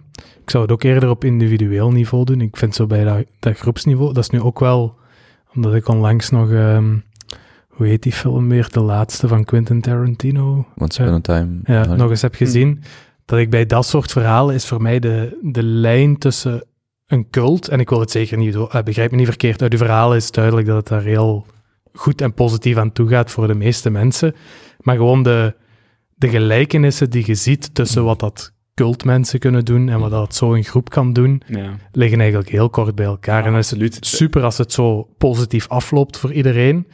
Maar ik vind het ook heel fascinerend om te zien hoe, hoe snel je zo'n groep mensen bepaalde dingen kunt laten voelen. In dit geval super positief, super life-changing. Ehm, maar dat je het ook de knop naar de andere kant zou kunnen draaien. Dit is het gesprek dat ik heb gehad met die kerel in de auto. Ja, ja. Maar Ja. Weet je wat ik ook zo, en dat is, kan dat punt niet zo duidelijk maken, denk ik, maar ik begrijp zo de aversie van het, het, het cultgedoe en zo, dat, Mhm. eh, ook de, misschien de, tussen aanhalingstekens, overdreven ehm, ehm, symboliek. ja. Ehm, tegelijkertijd, als je kijkt naar een gemiddeld leven, er is heel veel, dat is geen cult, maar hoe dat sommige mensen een identiteit hangen aan wat ze doen, eh, job, familie, dat is, in mijn hoofd is dat dan zo niet zoveel verschillend van samen eh, zingen of samen eh, iets niet eten, of wel, allee, zo, dat zo, het makkelijk is om te judgen over, ja, die mensen zijn wel zot, want die zijn daar in een groep iets weirds aan doen, maar Mhm. ja, in je eigen leven zijn er ook superveel dingen dat je weird en ja, allee, zo, allee, weird is niet, maar weet, je sowieso, iedereen heeft zijn groep en zijn dingen waar hij in gelooft. Het is gewoon de gelijkenissen van, oké, je mocht niet tegen de beginners zelf praten, je mocht elkaar niet in de ogen kijken. Mm. Wij praten naar u Mm. twee uur per dag. Eh, je gaat u heel kwetsbaar opstellen. Je bent Mm. op een kwetsbaar moment, op een kwetsbare plaats tussen kwetsbare mensen. Ah ja, dat was gewoon een kleine... Ja. ik wil het absoluut. zeker Ja, niet afschrijven. Maar daar, zit, en, en dat was ook het, eh, het gevoel dat we hadden toen dat we daar vertrokken van, shit, die hebben hier zoiets moois gecreëerd. Please don't fuck it up. Mhm. Ja, exact. Ja. Als er ene bad actor in komt en die, die wil daar wat misbruik van maken of heel Machiavellisch op inspelen, Ja, kan dat heel snel gaan. Klopt. Nee, maar super blij voor u dat je daar zo'n een goede, ah, positieve ervaring zo Ja, te horen cool. over. Gemiddelde leeftijd? 30. Gewoon heel duidelijk, Ja. 30. Bij veel variantie? Of, eh, dus echt allemaal rond de 30? Allemaal rond de 30, je- vijf jaar onder en vijf jaar boven. Maar ook zo, zo grappig. Ja, ja mooie, heeft zeer mooie dames. Ja, absoluut. Absoluut. Ik raad u aan om te gaan. Niet voor de dames. Nee, nee, nee, voor de ervaring, hè? Mhm. Hmm. Dat was eentje. En die, die deelt zo op haar sharing. Dus die, die mag eindelijk spreken en die zegt... So, my roommates, I ate all of your candy. I took an orange from you and I sorry about the alarm that fell on your head. And I was wearing your coat this morning. Zalig. Maar dus, Ja. eh, eh, in het algemeen wel een ervaring dat je aan de gemiddelde mens aanraadt. Ja, je moet gewoon ervoor open kunnen staan. En dat is ook waarom dat ik misschien die projecties heb gemaakt van de Junte Boys. Maar ik denk dat Kobe het niet aan zou kunnen. Dat je te gefrustreerd zou geraken. Kan, kan de schoot. Ik kan het wel zien. Ik denk dat Jo- Jonas ehm, die stilte en introversie best wel, eh, ik denk dat je dat heel aangenaam zou vinden, maar tijdens die satsangs echt de meest rationele en kritische vragen zou stellen, die dat halve geloof onderuit haalt. Ja. En de Benny zou eerder zoiets hebben van, wow, wow, wow, wow. Jij gaat hier tien dagen zeggen wat ik moet doen? Wat? Dat is eh, ja, een mooie samenvatting, Breiker. hè. Maar wacht, we hebben de Jozef nog. Hmm. Jozef, die gaat ofwel plots licht beginnen geven en zo als de second coming of Christ heel die troep van die berg naar onder meekrijgen. Dat is dus die bad actor waar we het over hebben. Hmm. Ja. Of, eh, ja, ik weet, niet, ik weet niet wat Jozef nog zou kunnen doen. Of, die- of die vertrekt omdat hem niet mag, niemand mag knuffelen en, en aanspreken, zoiets. Hmm. Zalig. En dit is misschien een super praktische vraag, maar ik heb, ik heb onlangs gelezen dat dat niet voor iedereen... Het- nee, nee, nee, nee. Dat dat niet voor iedereen hetzelfde is. Dus als je zo begint aan een meditatie, dan zit je nog een beetje eh, in je eigen hoofd. Of ik zit dan toch in mijn eigen hoofd, je zit wat tegen, met jezelf bezig. Heb jij dan het gevoel dat je echt tegen jezelf... Hoort je een stem die terugpraat? Heb je een conversatie in jezelf met een... an- niet een andere persoon, maar met een andere stem? Nee, ik hoor mezelf. Ik heb geen conversatie met mezelf. Of ja, ja, ik hoor mezelf geen vraag en antwoord. Nee, geen vraag en antwoord. Jij wel? Hmm, Ik weet niet of ik exact begrijp Als wat je- bedoelt. Als je denkt, hoort je dan jezelf je gedachten zeggen? Niet super letterlijk, hè, maar Mhm. wel woorden en vocaliseren en denken van, oei, doe dit niet, weet ik veel. Ja, ik weet wat je wilt zeggen. Want je hebt Ehm, mensen die blijkbaar, en misschien omdat je er niet direct een klik mee maakt, die dat helemaal niet doen. Die gewoon geen interne stem hebben, en best nog wel veel. Ik wil er nu geen live procent op plakken, maar die helemaal niet snappen wat dat is als je zegt dat je een interne stem hebt waarmee... Oké, communiceren is misschien een heel groot woord, maar die je dingen hoort die je zelf vertelt in je gedachten. Ja, inderdaad, de, de vraag is of we over hetzelfde aan het praten Ja, zijn. tuurlijk. maar ik Ja, zelf. praat bijvoorbeeld en denk extreem vaak, vaak tegen mijzelf. Dus alsof ik een conversatie in mijn hoofd aan het Ja, ja, voeren ben. ja, ik heb dat wel. veel. Dus echt wel een Ja, conversatie, ja. Ja. Want ja, Ja. als jij kookt, dan zie ik ook altijd tegen jezelf babbelen. Ja. Mocht dat op retraite? Als je dan zo in een bij hebt die dat constant... Nee, het enige wat zo gebeurde bij mij is als je je teen stoot. Zo, oh, putain. Direct in het Frans. ja, cool. Cool. Heel vet. Gaat je het nog eens doen, of is één keer genoeg geweest? Ik denk dat dat wel waardevol is om dat zo eh, om de twee jaar of zo te doen, of om het jaar. En ook meteen, vind je dat tien dagen een minimum, maximum? Is er een sweet spot dat je, waarvan je zegt, eh, probeer het misschien eens drie dagen, zeven? Ze doen er drie. Mhm. Dus ze doen er drie. Ze doen sessies van drie dagen. Eh, ik denk dat tien heel waardevol is, maar wel lang is. Het is wel gewoon, het is, het is, het is een struggle. Je ziet Mhm. veel mensen wenen, ja. Ja. Het is een struggle, maar het gaat zeker. Het gaat zeker. er was zo, eh, je hebt dan die bos daar, of dat woud. Maar je mocht dus nooit communiceren met die mensen. Of, dat is altijd zo one-way communicatie. Dus die Antoinetta komt zo op haar stoel zitten. Doing. Hè? Even wachten. Komt tot haar zelf. Doing. Nog eens. Die creëert zo wat anticipatie. Krijgt zo'n briefje doorgestuurd van haar assistente. Oké, we have an announcement tonight. Hunting season is open in the forest. So please wear something white. Stilte. Wat? Wat? Wat? We liggen daar halve dagen in die bos rond te crossen en we moeten gewoon iets wit aan doen. No, no, no, sorry. I mean, it's okay during the day. Don't worry, don't worry. Mm. Zo, die communicatie is soms heel maf. Ik hoorde wel deze week van iemand, die had eh, gewoon een klooster, een, eh, of abdij, maar ik denk een klooster in, West, abdij, in Westmalle ge- gemaild. En die zei van, ja, ik heb dat al meerdere keren gedaan. Ehm, die hebben eigenlijk ook altijd zo eh, extra kamers. Hmm. En je kunt dan zien of je deelneemt aan de, aan de, ja, de kerksessies of de religieuze sessies. Maar ook blijkbaar, zegt zij, een aanrader om zo, als je iets in de buurt wilt blijven, misschien op jezelf of wat meer flexibiliteit in de periode. Ik vond dat eigenlijk ook een heel cool idee. En ja, je moet dan wel voor jezelf opleggen, eh, als je een bepaald schema zou willen volgen. Waarschijnlijk is dat moeilijker om te volgen. En zou je het dan eerder bestempelen als iets religieus of iets self-improvement? En ik weet dat het niet 100% gescheiden moet zijn, maar als je er één labeltje op moest plakken... Het, het wordt zeker gebracht als iets religieus. hm. Dus de, de, de, de manier waarop het gebracht is, zou ik religieus bestempelen. Ehm, ik heb het als self-improvement gezien. Ehm, en dat is ook wat ze zeggen, van kijk, eh, de reden waarom dat meditatie zo hot is vandaag de dag, is self-improvement. Terwijl dat origineel bedoeld is om echt verlicht te worden. Hè? Performance meditation. Ja, ja. Om nog meer geld te verdienen, Ja. dat, dat zeggen ze ook. En, en, maar dat is niet wat zij brengen. Zij, eh, zij zeggen van, kijk, meditatie is, eh, is veel meer als dat. Wat zou dan de, de teun van vandaag zeggen tegen de teun van een jaar geleden? Oeh, nu zit ik echt op de Kobe Show. Goh, ehm, definieer drie momenten op de dag waarop dat je naar je gsm kijkt. Mediteer meer.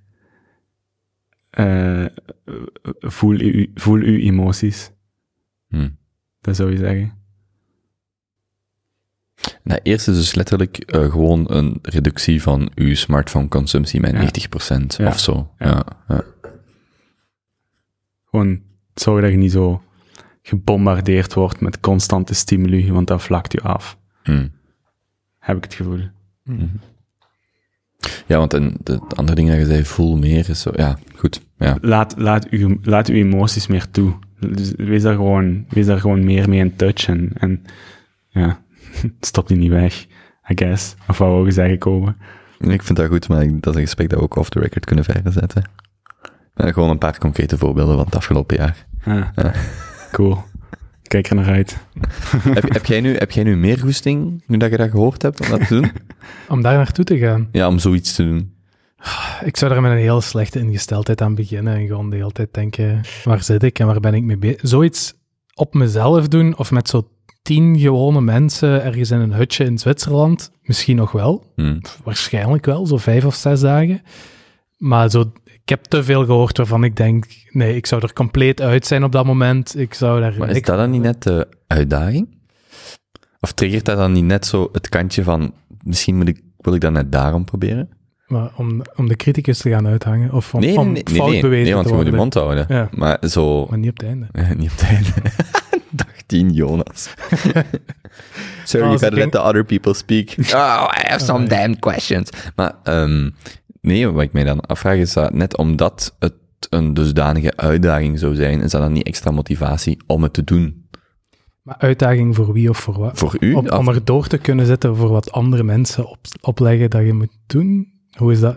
Wel, geen- nee, nee, het feit dat je die eh, frame of reference hebt, van mensen zeggen mij wat ik moet doen, Mhm. bijvoorbeeld, hè, dat het dan de uitdaging is, misschien is ook een andere frame of reference die Om daar daar toch zou- gewoon aan toe te geven en niet... eh, Wel, maar zelfs die woordkeuze impliceert Ja, al dat er een toegeven is. En misschien leert je daarvan... Allee, je begrijpt mijn punt waarschijnlijk wel. Ja, ja, dat is waar. Ik snap het ergens wel en dat zou een leuke gedachteoefening kunnen zijn, maar ik denk niet, niet voor tien dagen. Dat, dat argument zou je kunnen maken over Hmm. veel ervaringen Ja. en ik ga niet alle zaken waar ik niet mee, ak- eh, of waar ik me niet helemaal in kan vinden, om mij Hmm. daaraan gaan overgeven. Ik was wel even aan het twijfelen, sort of related, maar niet helemaal, is dat er een discussie gaat zijn in Kesselo over de woonproblematiek, allemaal zo door Groen en PvdA en al die partijen geleiden, om daar door te zitten en dan te kijken of ik daar mijn mond kan houden. Hm. Dus u weet, u weet komt het er ooit wel van om ook tien dagen te gaan mediteren. Zullen zien. Zou jij het wel doen? Spreekt het u aan? Ja, maar vanuit de initiële is... Het initiële is dan de uitdaging. Zo, hoe moeilijk kan het zijn? Ehm, Maar daar ben ik mee akkoord. Als, ik dat, als jij nu zegt, we gaan met tien man, misschien niet ja, als, we gaan met tien man naar een hutje in Zwitserland, daar zou ik geen problemen mee hebben. Dat, Hmm. dat is het niet voor mij. hoe, hoe, hoe hoog procentueel is de probabiliteit dat je nog in je leven 3, 10, whatever, een soortgelijke ervaring doet? Want dat zou ik bijvoorbeeld heel hoog inschatten. De kans dat ik dat nog ga proberen, Als in tien dagen solitair zijn? Of Nee, ja, zo, in- zoiets, maar alleen noem het zeven dagen, tien dagen, twee weken. Maar je, je kunt ook zo Vipassana retreat doen, hè. Dat is gewoon een tien keer zo droog. Dat is niet open heart meditation, dat is niet compassie, dat is niet liefde, dat is gewoon... Al uw gedachten, Mhm. zet ze maar van u af, want het is niks. Uw bewustzijn is alles Maar dat is... Doe mij die maar. Doe mij die maar. Ja, dat is goed. Wanneer verjaart jij? Wanneer word jij dertig? Maar dat vind ik nog niet zo... Ik vind, want ik moet aan die meta-kindness, eh, meta-meditaties Meta- van eh, Sam Harris. ja. Ik moet wel zeggen, ik heb er zo één of twee gedaan. Ja, dat is ook echt elke gedachte in mijn brein dat zegt, nee, nee, nee, ik wil u niet al het goeds toewensen. Waarom? En zo, meningen ik vind die meta, ik heb die twee ik vond die moeilijk. Ja, ik vind dat, En dat zo is niet- gepusht. En dat is niet... Nee, ik, ik, ik overdrijf. Maar ehm, ik vind dat wel heel moeilijk. Ook omdat... Ja, zwart. Ja, nee. Ik vind dat als ik dat vergelijk met de gewone daily of die 30, 45, 60 minuten sessies, dat voelt voor mij veel gemakkelijker. Ja, als ik mag kiezen tussen een half uur met of een uur gewoon stilzitten, alleen met die, met die van Sam in de Waking Up, dan sowieso dat uur. Ik vind meta heel... Maar, dus, maar daar is dan zo, ja, misschien moet je daar gewoon aan overgeven en dat wel voelen. Ja, compleet. En, de, en de, het overgeven aan dat moment, hè, dus die, die, die eh, emotionaliteit of het huilen en zo, ja, dat is dan net iets waarvan ik denk, ja, daar zou ik naar, niet naar op zoek gaan, dat is niet de juiste term, maar dat is wel zo, dat is zo voor mij zo, ja. Maar ik refereer zo, mijn, hoe dat ik heel veel, zo van die type ervaringen, voor mij is dat zo allemaal in de categorie zo cadeaus die je enkel jezelf kunt geven. Hm. En dat is niet goed of slecht, dat is gewoon een ervaring dat je hebt. Mhm. En zo bijvoorbeeld op dag zes beginnen huilen bij alles, dat is zoiets, dat kun je enkel voor jezelf. Niemand je Nee. komt niet in een staat, Inderdaad. eh, bij wijze van spreken, waar dat je dat nog eens aan de hand gaat hebben, tenzij dat je dat echt specifiek voor jezelf creëert. En zo zijn er gewoon een aantal dingen waarvan ik kan zeggen, dat is voor mij heel waardevol geweest in mijn leven, maar dat heb ik louter voor mijzelf gecreëerd. Dat is niet een functie, allee, niet met Ja, andere je, moet mensen. je, je moet je daar mentaal ook gewoon voor openzetten, hè. Ja, en, en dat, dat spreekt mij daar wel aan aan. Maar van, daar, ben ik, daar volg ik compleet mee. Hè. En als je dat wilt opzoeken, opnieuw in een hutje in Zwitserland, door te gaan wandelen, door ergens iets te doen voor jezelf, waardoor Hmm. dat je die staat kunt bereiken, volg ik volledig. Ik denk gewoon dat voor mij persoonlijk de nachtelijke lecture Ja. De, dat dat de- een punt eraan zou zijn. Ja, het ja. Ook al zou ik er naar willen luisteren, maar Ja, ja, snap ja. ik. Dat is een, en ik vind het ook wel interessant, want eh, eh, heel vaak komt daarboven van het liefde tonen aan elkaar en eh, Mm. ja, medeleven hebben met iedereen, u kunnen inbeelden in, in Met uzelf. met uzelf. Ja. Maar je kunt ook op andere manieren tot een beetje dezelfde resultaten komen. En dan mijn volledig logische Mhm. stapjesbrein komt dan uit bij, ehm, Stapjesbrein. Dat is een mooi woord. eh, bij ja, de free will van, van Sam Harris ook. Eigenlijk vanuit een, een volledig andere angle. Een beetje aannemen dat mensen ook maar gewoon in het leven staan en eigenlijk niet veel onder controle hebben. En dat, ze niet, dat niet alle acties compleet gedreven zijn vanuit hun eigen slechte wil of slechte Ja. bedoelingen. En dat niet iedereen kan doen aan de situatie waarin ze zitten, welke reacties ze daarop hebben en hoe ze zich daarin gedragen. En hoewel dat van een volledige andere angle is, want de ene kant is, ja, neuronen maken triggers en daar kun je niks aan doen, het is allemaal deterministisch. Mhm. En de andere kant is spiritueel, we zijn allemaal verbonden op Mhm. één lijn. Toch komt je op een bepaalde manier ja, in het midden op hetzelfde uit. Ja, absoluut. Absoluut. Dus dan volg ik één kant en jij de andere kant en we meet each other in the middle. Mm, hè. Dat is goed. ook mooi. ook mooi. En je ziet zo nog radartjes Ja. draaien soms. Ja, nee, nee, ik vind dat sowieso, ik vind dat sowieso heel interessant. Ehm, ik vraag mij ook af, ehm, ik denk dat jij de juiste persoon zit om dat aan te vragen, in verhouding met zo de gemiddelde psychedelische ervaring.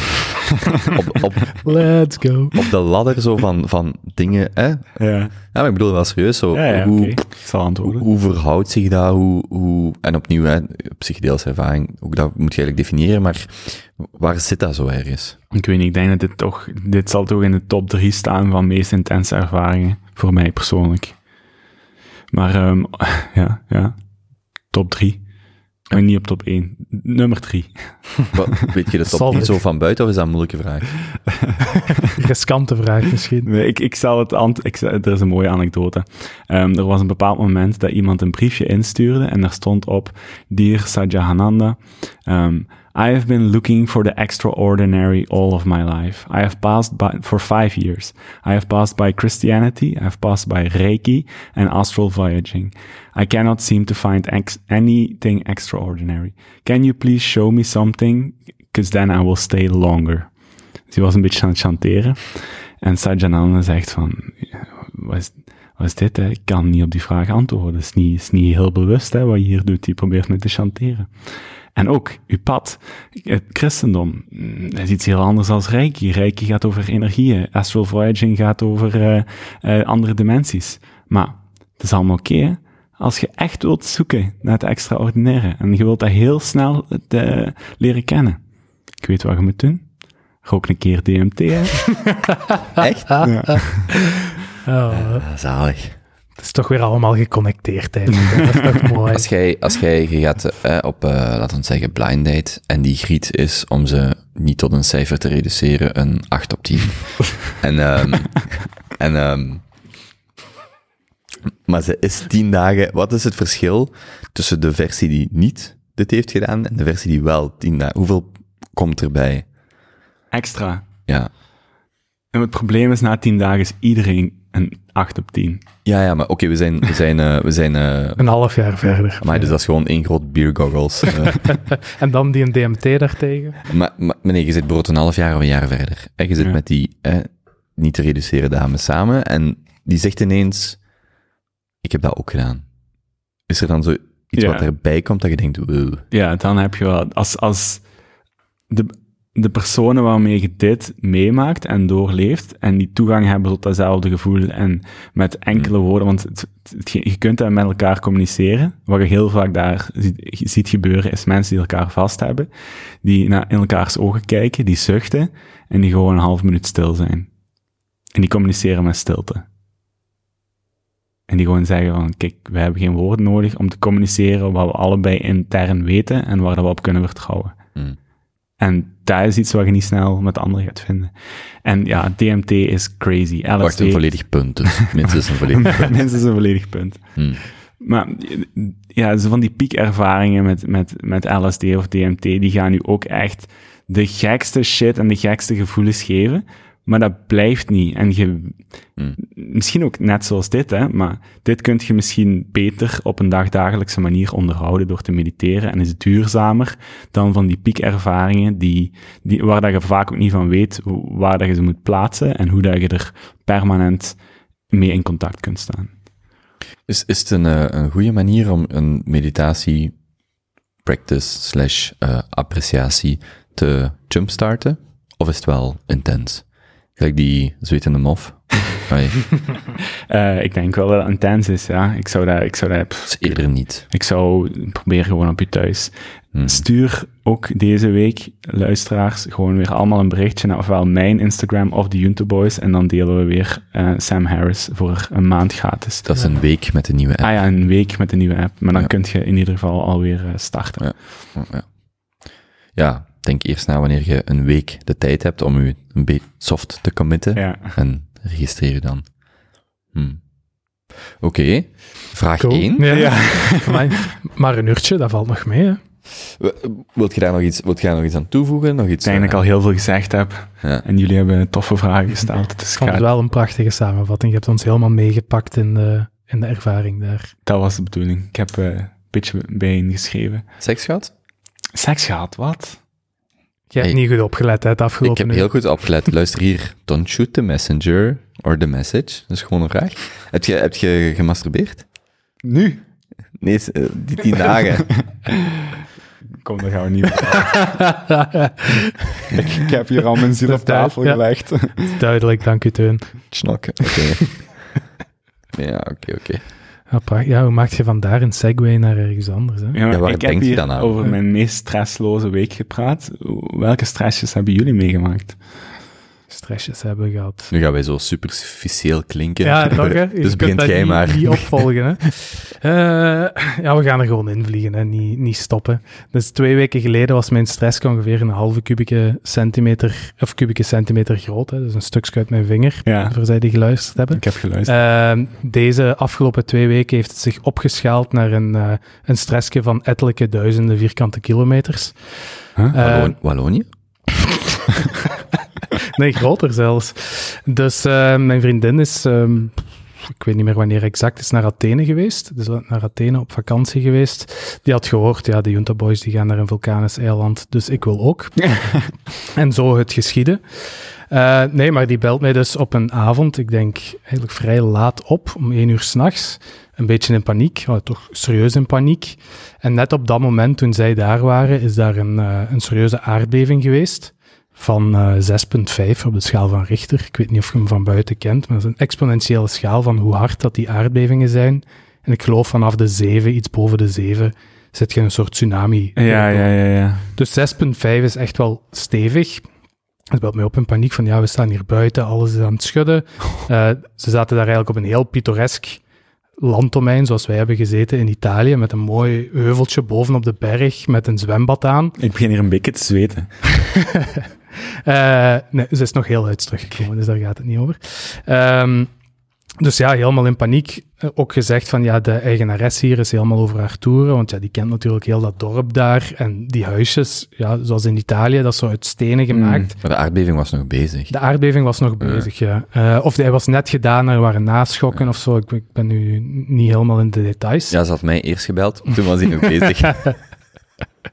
Ehm, dus zij was in paniek. En ja, blijkbaar is dus ook dat daar ehm, een eilandje verder is, dus die vulkaan Santorini.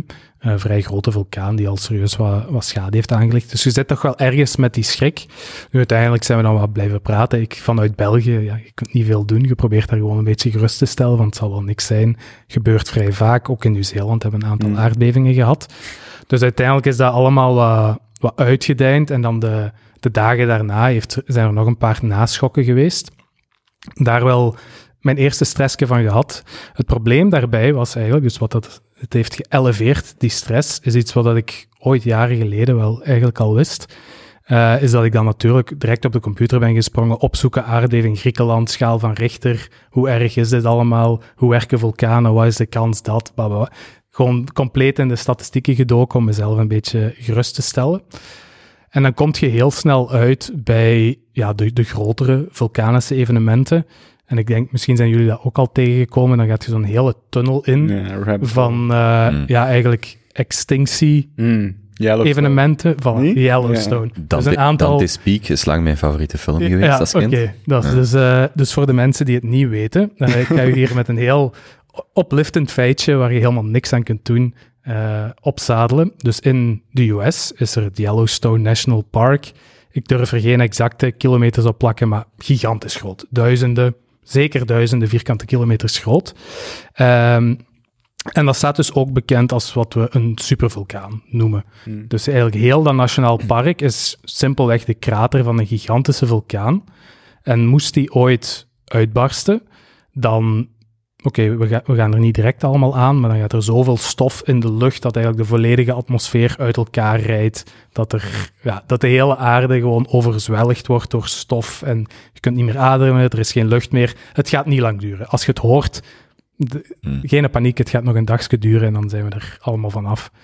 Ehm Is het niet die zo elke 600.000 jaar en nu, nu zo min of meer daar rond zit of zo? Dus Dat we hebben je heel goede archeologen, historici en ja, Ja. ik weet niet, daar is ook echt een beroep van seismologen of zoiets, Ja, ja, die dat naar seismoloog, vulka- ja, ja. vulkanen kijken.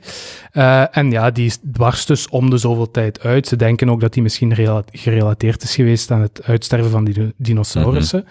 Ehm, en wij zitten eigenlijk boenk in het midden van waar dat zo'n periode is, waarin dat die zou kunnen uitbarsten. In het midden, echt op, op... We zitten 600.000 jaar verder, momenteel. Ja, het is, ja, ik ga Ah, geen live joy. nummers noemen. Maar het leuke is dus dat in, die, in dat soort nummers is de Ja, marge is Gigantisch. duizenden jaren. Inderdaad. Mhm. Ehm, en voilà, daar heb ik dan een, eh, een avondje mee bezig geweest en over gestrest. Eh, maar gelukkig, hè, om het dan even terug te koppelen naar het heel aardse, hebben we dan eh, op het werk, doe ik vaak retrospectives. Ehm, en wat dat is, is dat je eigenlijk kijkt naar hoe heb je de afgelopen twee weken gewerkt en hoe kun je dat verbeteren. Why did Dus- you get fired? nee, dat heet inspect en adapt, hè, zodat je altijd efficiënter kunt werken, Mm. meer kunt performen. Elke twee weken. Elke twee weken, ja. Een sessie van een uur met het Mm. hele team. Ik leid die retro- retrospectives. Dat is het waardevolste dat je kunt doen. Ook voor jezelf, hè. Iedere twee weken nadenken, oké, hoe zijn de af... Dat hoeft geen super serieuze shit te zijn, hè. Gewoon iedere twee weken denken, wat heb ik gedaan? En hoe ga ik het Mm.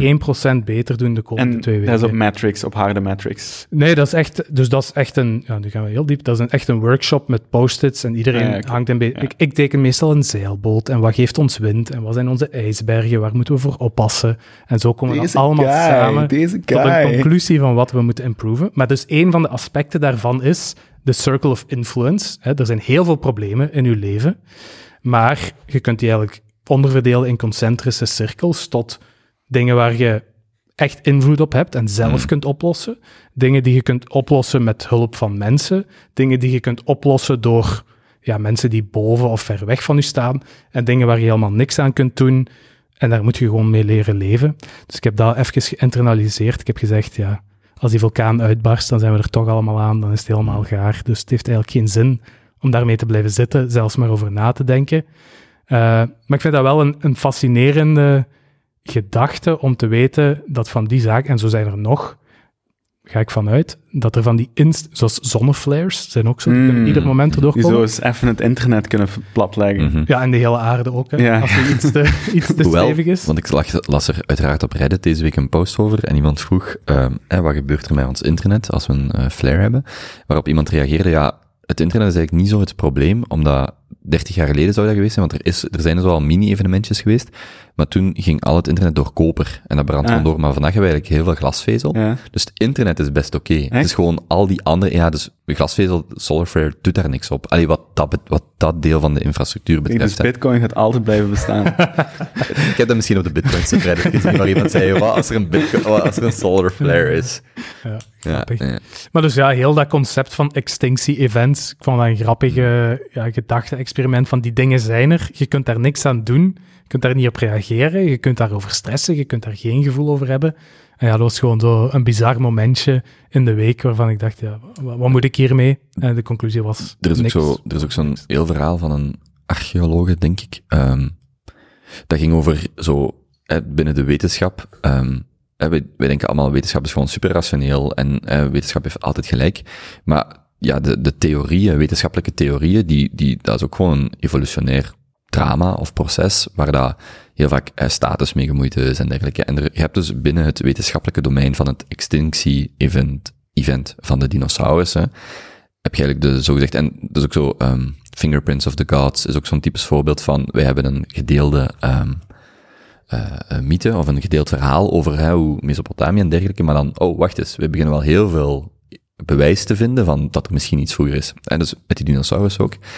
En er is een vrouw, maar ik weet haar naam niet meer, die dus al 30 jaar, 40 jaar bij haar volledige academische carrière beweert dat de dinosaurussen waarschijnlijk zijn uitgestorven door, als ik het mij goed herinner, een event dat op, op de aarde gebeurd is. En mogelijk een supervulkaan. Ja. En dus niet een meteoriet die hier is ingeslagen. En en dan, eh, als ik het mij goed herinner, dat de meteorieten gewoon niet eh, krachtig genoeg waren om die mate van extinctie te veroorzaken. En, dus, en dat was zo'n artikel, denk ik, in eh, een of ander zo prestigieus magazine, maar dat, dat liet haar zo aan het woord. En dus de helft ging zo over, ja, waarom gelooft niemand? Al die, ik, leer, ik leef in een wetenschappelijke wereld, maar niemand neemt mijn theorie serieus, want ja, weet ik veel waarom. En dan had zij dus heel die theorie onderbouwd van, ja, dat is waarschijnlijk zo'n super, super volcano of een ander event. Nou, maar gelijk, ja, ik kan er niet aan veel andere dingen denken, maar ook zo de, de Yellowstone rabbit hole en dat je zo daar zo volledig ingaat en zo, ah ja, weet je dat totaal niet. Zo Ja. is het. Ja. Maar zo, die, die, die rabbit hole van Mesopotamië, die vind ik ook is, is schitterend, goed. hè? Ja, ken ik is niet. Uh, was de, Tja, de TLDR? Ja, de TLDR, en verbeter me, want ik denk dat jij daar meer van weet. Het, uh, voor zover ik me herinner is, wij hebben een, een, het idee dat wij onze, e- onze vroegste moderne, tussen aanhalingstekens, beschaving zijn de, uh, is, is Mesopotamië, dus 4 tot 6000 jaar geleden. Mhm. En vandaar is eigenlijk de, uh, de bron van onze moderne wereld, of uh, de wereld van de laatste duizenden jaar ontstaan. Mesopotamië, Griekenland en zo verder. En vandaar is de mensen beginnen verspreiden. Maar ze beginnen nu, en dus ook bijvoorbeeld wanneer je kijkt naar het gebruiken van uh, uh, tools, en dus, dus de, de progressie van uh, gereedschap dat de mens gebruikt, is een heel goede graadmeter van hoe, hoe ver uw samenleving uh, geëvolueerd is. Op het moment dat jij een mes leert maken, speer en soort en vuur controleert. En dus wij, wij leiden heel veel terug naar Mesopotamië, maar we beginnen ondertussen um, bewijs te vinden in Siberië, hè, dus in Rusland, op allerlei plekken in de wereld, dat er bijvoorbeeld Turkije. Turkije Ko- Tepe. ja, ja, inderdaad, beginnen wij dingen te vinden die, als wij die gaan dateren, die, je zou verwachten dat die van de periode 4, 5, 6.000 jaar geleden zijn, maar die blijken zo 40.000 jaar oud te zijn. Er is een bepaalde, er is een, geloof ik in Rusland een soort van graf gevonden, waar dat zo, um, allemaal kraaltjes geloof ik bij zijn, dus er is bij iemand een soort van mummificatieproces, bij hem een leider waarschijnlijk, kraaltjes die niet eigen zijn aan de omgeving, die dus voor heel, een heel hoge kost, een beetje gelijk die, die de Paaseilanden hebben, voor een heel hoge kost daar geraakt. En als we die gaan dateren, zijn die zo 30, 40, 50.000 jaar oud. En een, een idee of een, een theorie is dat vroeger de, uh, als ik mij goed herinner, de, een andere vraag is zo, waarom lijken Indo-Amerikanen op Aziaten? Die hebben alle twee een soort van spitsig gezicht, spitsogen.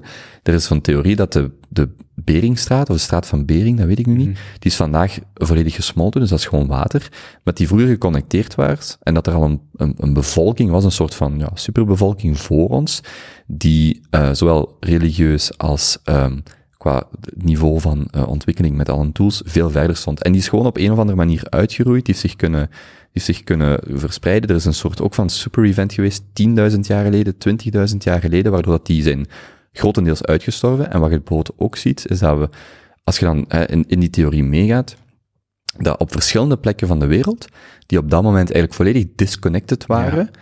dezelfde rituelen gebruiken en, en, en, en volledig terugkomen. En, dat je de, en dus de bewijslast begint ondertussen zo groot te worden, dat je zo het argument van, dat is toeval, begint zo te worden van, dat is wel echt extreem veel toeval. En, de, ja. de hele coole synchronicities tussen, waarbij dat bijvoorbeeld al die verschillende beschavingen op bepaalde uh, graden breedte assen hun tempels bouwden. Dus afzonderlijke beschavingen die op basis waarschijnlijk van astrologie dan, want mijn logische, of nee, niet mijn gedachte is, dat die eigenlijk veel verder stonden in astrologie dan dat we beseffen.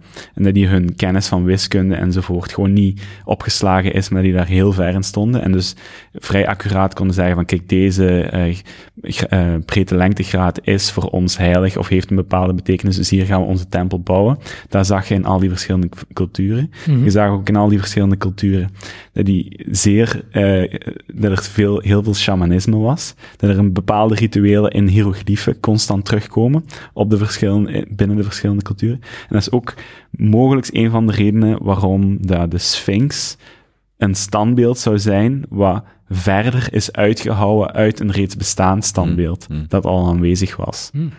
Dat dat vroeger een leeuw, een, nee, het is nu, nu, het was een leeuwenhoofd en nu is het dan een, een farao-hoofd geworden, waardoor dat, dat hoofd veel te klein is voor het onderliggende lichaam dat er Ja. eh, aanwezig was. En wacht, en, Ah, ja. en de theorie is dan, er was ooit een beschaving die verder stond Mhm. in een tijd waarvan wij dachten dat Ja. dat niet kon. Dat, dat die niet bestond. Ik ja. geloof, ik weet niet of het Australië was of een ander, een volledig afgezonderde door water eh, eh, omgeving. Mhm. Dat als je aan, aan ons vraagt wanneer zijn mensen massaal of tenminste voorspelbaar beginnen varen, ik denk dan de vikings is zo die echt konden zeggen wij kunnen een stukje water over en ook echt weten waar we gaan uitkomen. Denk de vikings, en je moet al, ik weet niet of je nog veel verder terugkomt, eh, dus de jaren eh, 800 na Christus, die periode ongeveer. Maar dan zijn ze zo ay, resten beginnen vinden, waarvan je zou verwacht hebben, dat hebben ze zo ergens misschien duizend jaar geleden op een verdwaalde boot, zijn daar mensen, maar dan blijkt zo, er zijn daar te veel mensen geraakt, 10, 20.000 jaar geleden, als we die restanten vinden, om, dat kan geen toeval zijn. Er, je raakt niet 100 man ergens op een verdwaald eiland, bij wijze van spreken. En dan is er zo ergens een, die theorie, want dat is dan hè, Graham Hancock en verder, Ehm, van, er is een, bijvoorbeeld van, een soort van extinctie-event geweest, misschien de laatste ijstijd, die 10.000 jaar geleden, waardoor dat, dat quasi volledig eh, uitgestorven is. En dan hebben wij eigenlijk die nieuwe Mesopotamië-tijdperk gehad. En daar zien wij zo de graal of de kern, of de, de, de, ja, de start van onze beschaving zoals wij die vandaag kennen. Mhm. Ja. Maar ik wist niet dat dat... eh, ik ben eigenlijk helemaal niet mee op dit onderwerp, hè, voor de record. Maar ik heb nooit gedacht dat beschaving van op één plek kwam. Ik dacht altijd dat de theorie was dat er mensen op verschillende plaatsen leefden, die daar ooit zijn geraakt. En op verschillende plaatsen zijn verschillende beschavingen begonnen. Ja. Maar ik geloof dat zoals een soort van breakthrough beschaving, zo waar is nu de kern, waar dat, en je ziet dat als je, als je resolutie verandert van duizenden jaren naar gewoon honderden, kun je echt zeggen, oké, vanaf 1500, 1600 is Europa het centrum van de wereld geweest. Sure. Vanaf 800, 900 was dat Azië, China, dat, die periode. En, en zo kun je wel ergens zeggen van, en dan Rome en Griekenland en zo verder, dat er een soort van kern is of nucleus van waar dat uh, wij, wij, de brede wij zijn ontstaan. En dat wordt dan, en dan het vroegste punt wat in de, tussen aanhalingstekens populaire wetenschap is, is dan Mesopotamië.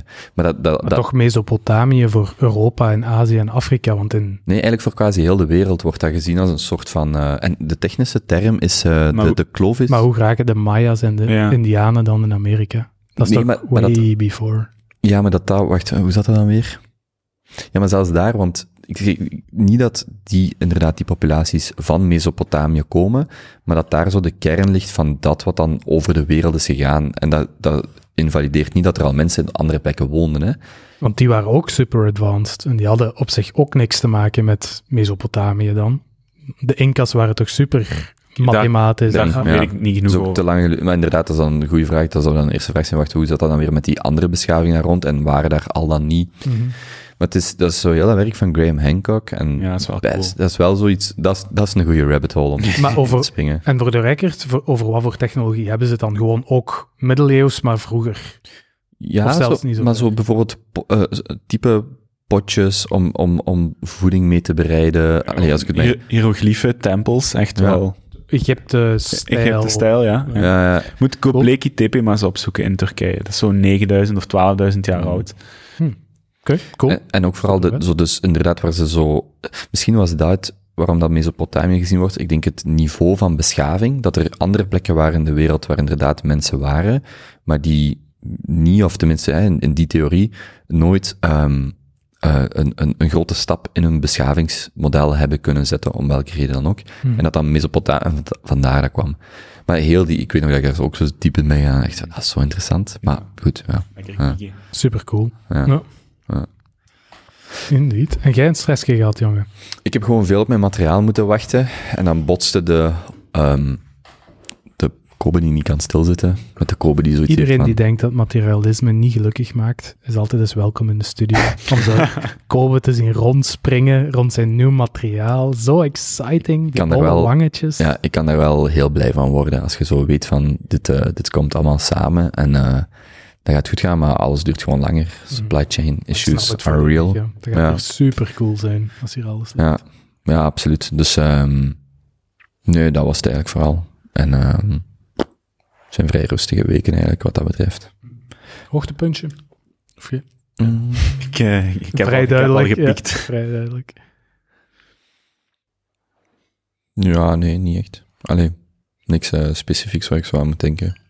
Ja, ik ben gewoon, ik zeg, het, ik ben gewoon extreem blij. Ik heb mijn eh, NAS draait hier nu en mijn materiaal komt af en komt aan en we hebben deze week definitief alle camera's besteld en ja, gewoon zo goede dingen. Dat gaat hier zo vet worden. Ik denk dat ik dus officieel zelfs een soort van eh, avond of zo wat mensen ga uitnodigen. Want ik heb ook al meerdere mensen gehoord dat ze zo zeggen van ja, maar ik wil wel afkomen. Ik wil wel Ja, eens komen kijken als je studio klaar is. En dat is eh, ja, een soort van... eh, want dan vroeg ik zo van, ja, maar wat doet je dan? Ja, je toont gewoon de studio en klaar. Je zet de camera op en je laat iedereen binnenkomen en je hebt gewoon Ja. een feestje. Nee, ik zou ik wel doen. Ja, en ook zo, ik, ehm, zo de, ik zeg altijd eh, al jaren ehm, van ik wil, eh, zo, als je zo'n nieuwjaarsresolutie doet, zo, ik wil meer op stap gaan.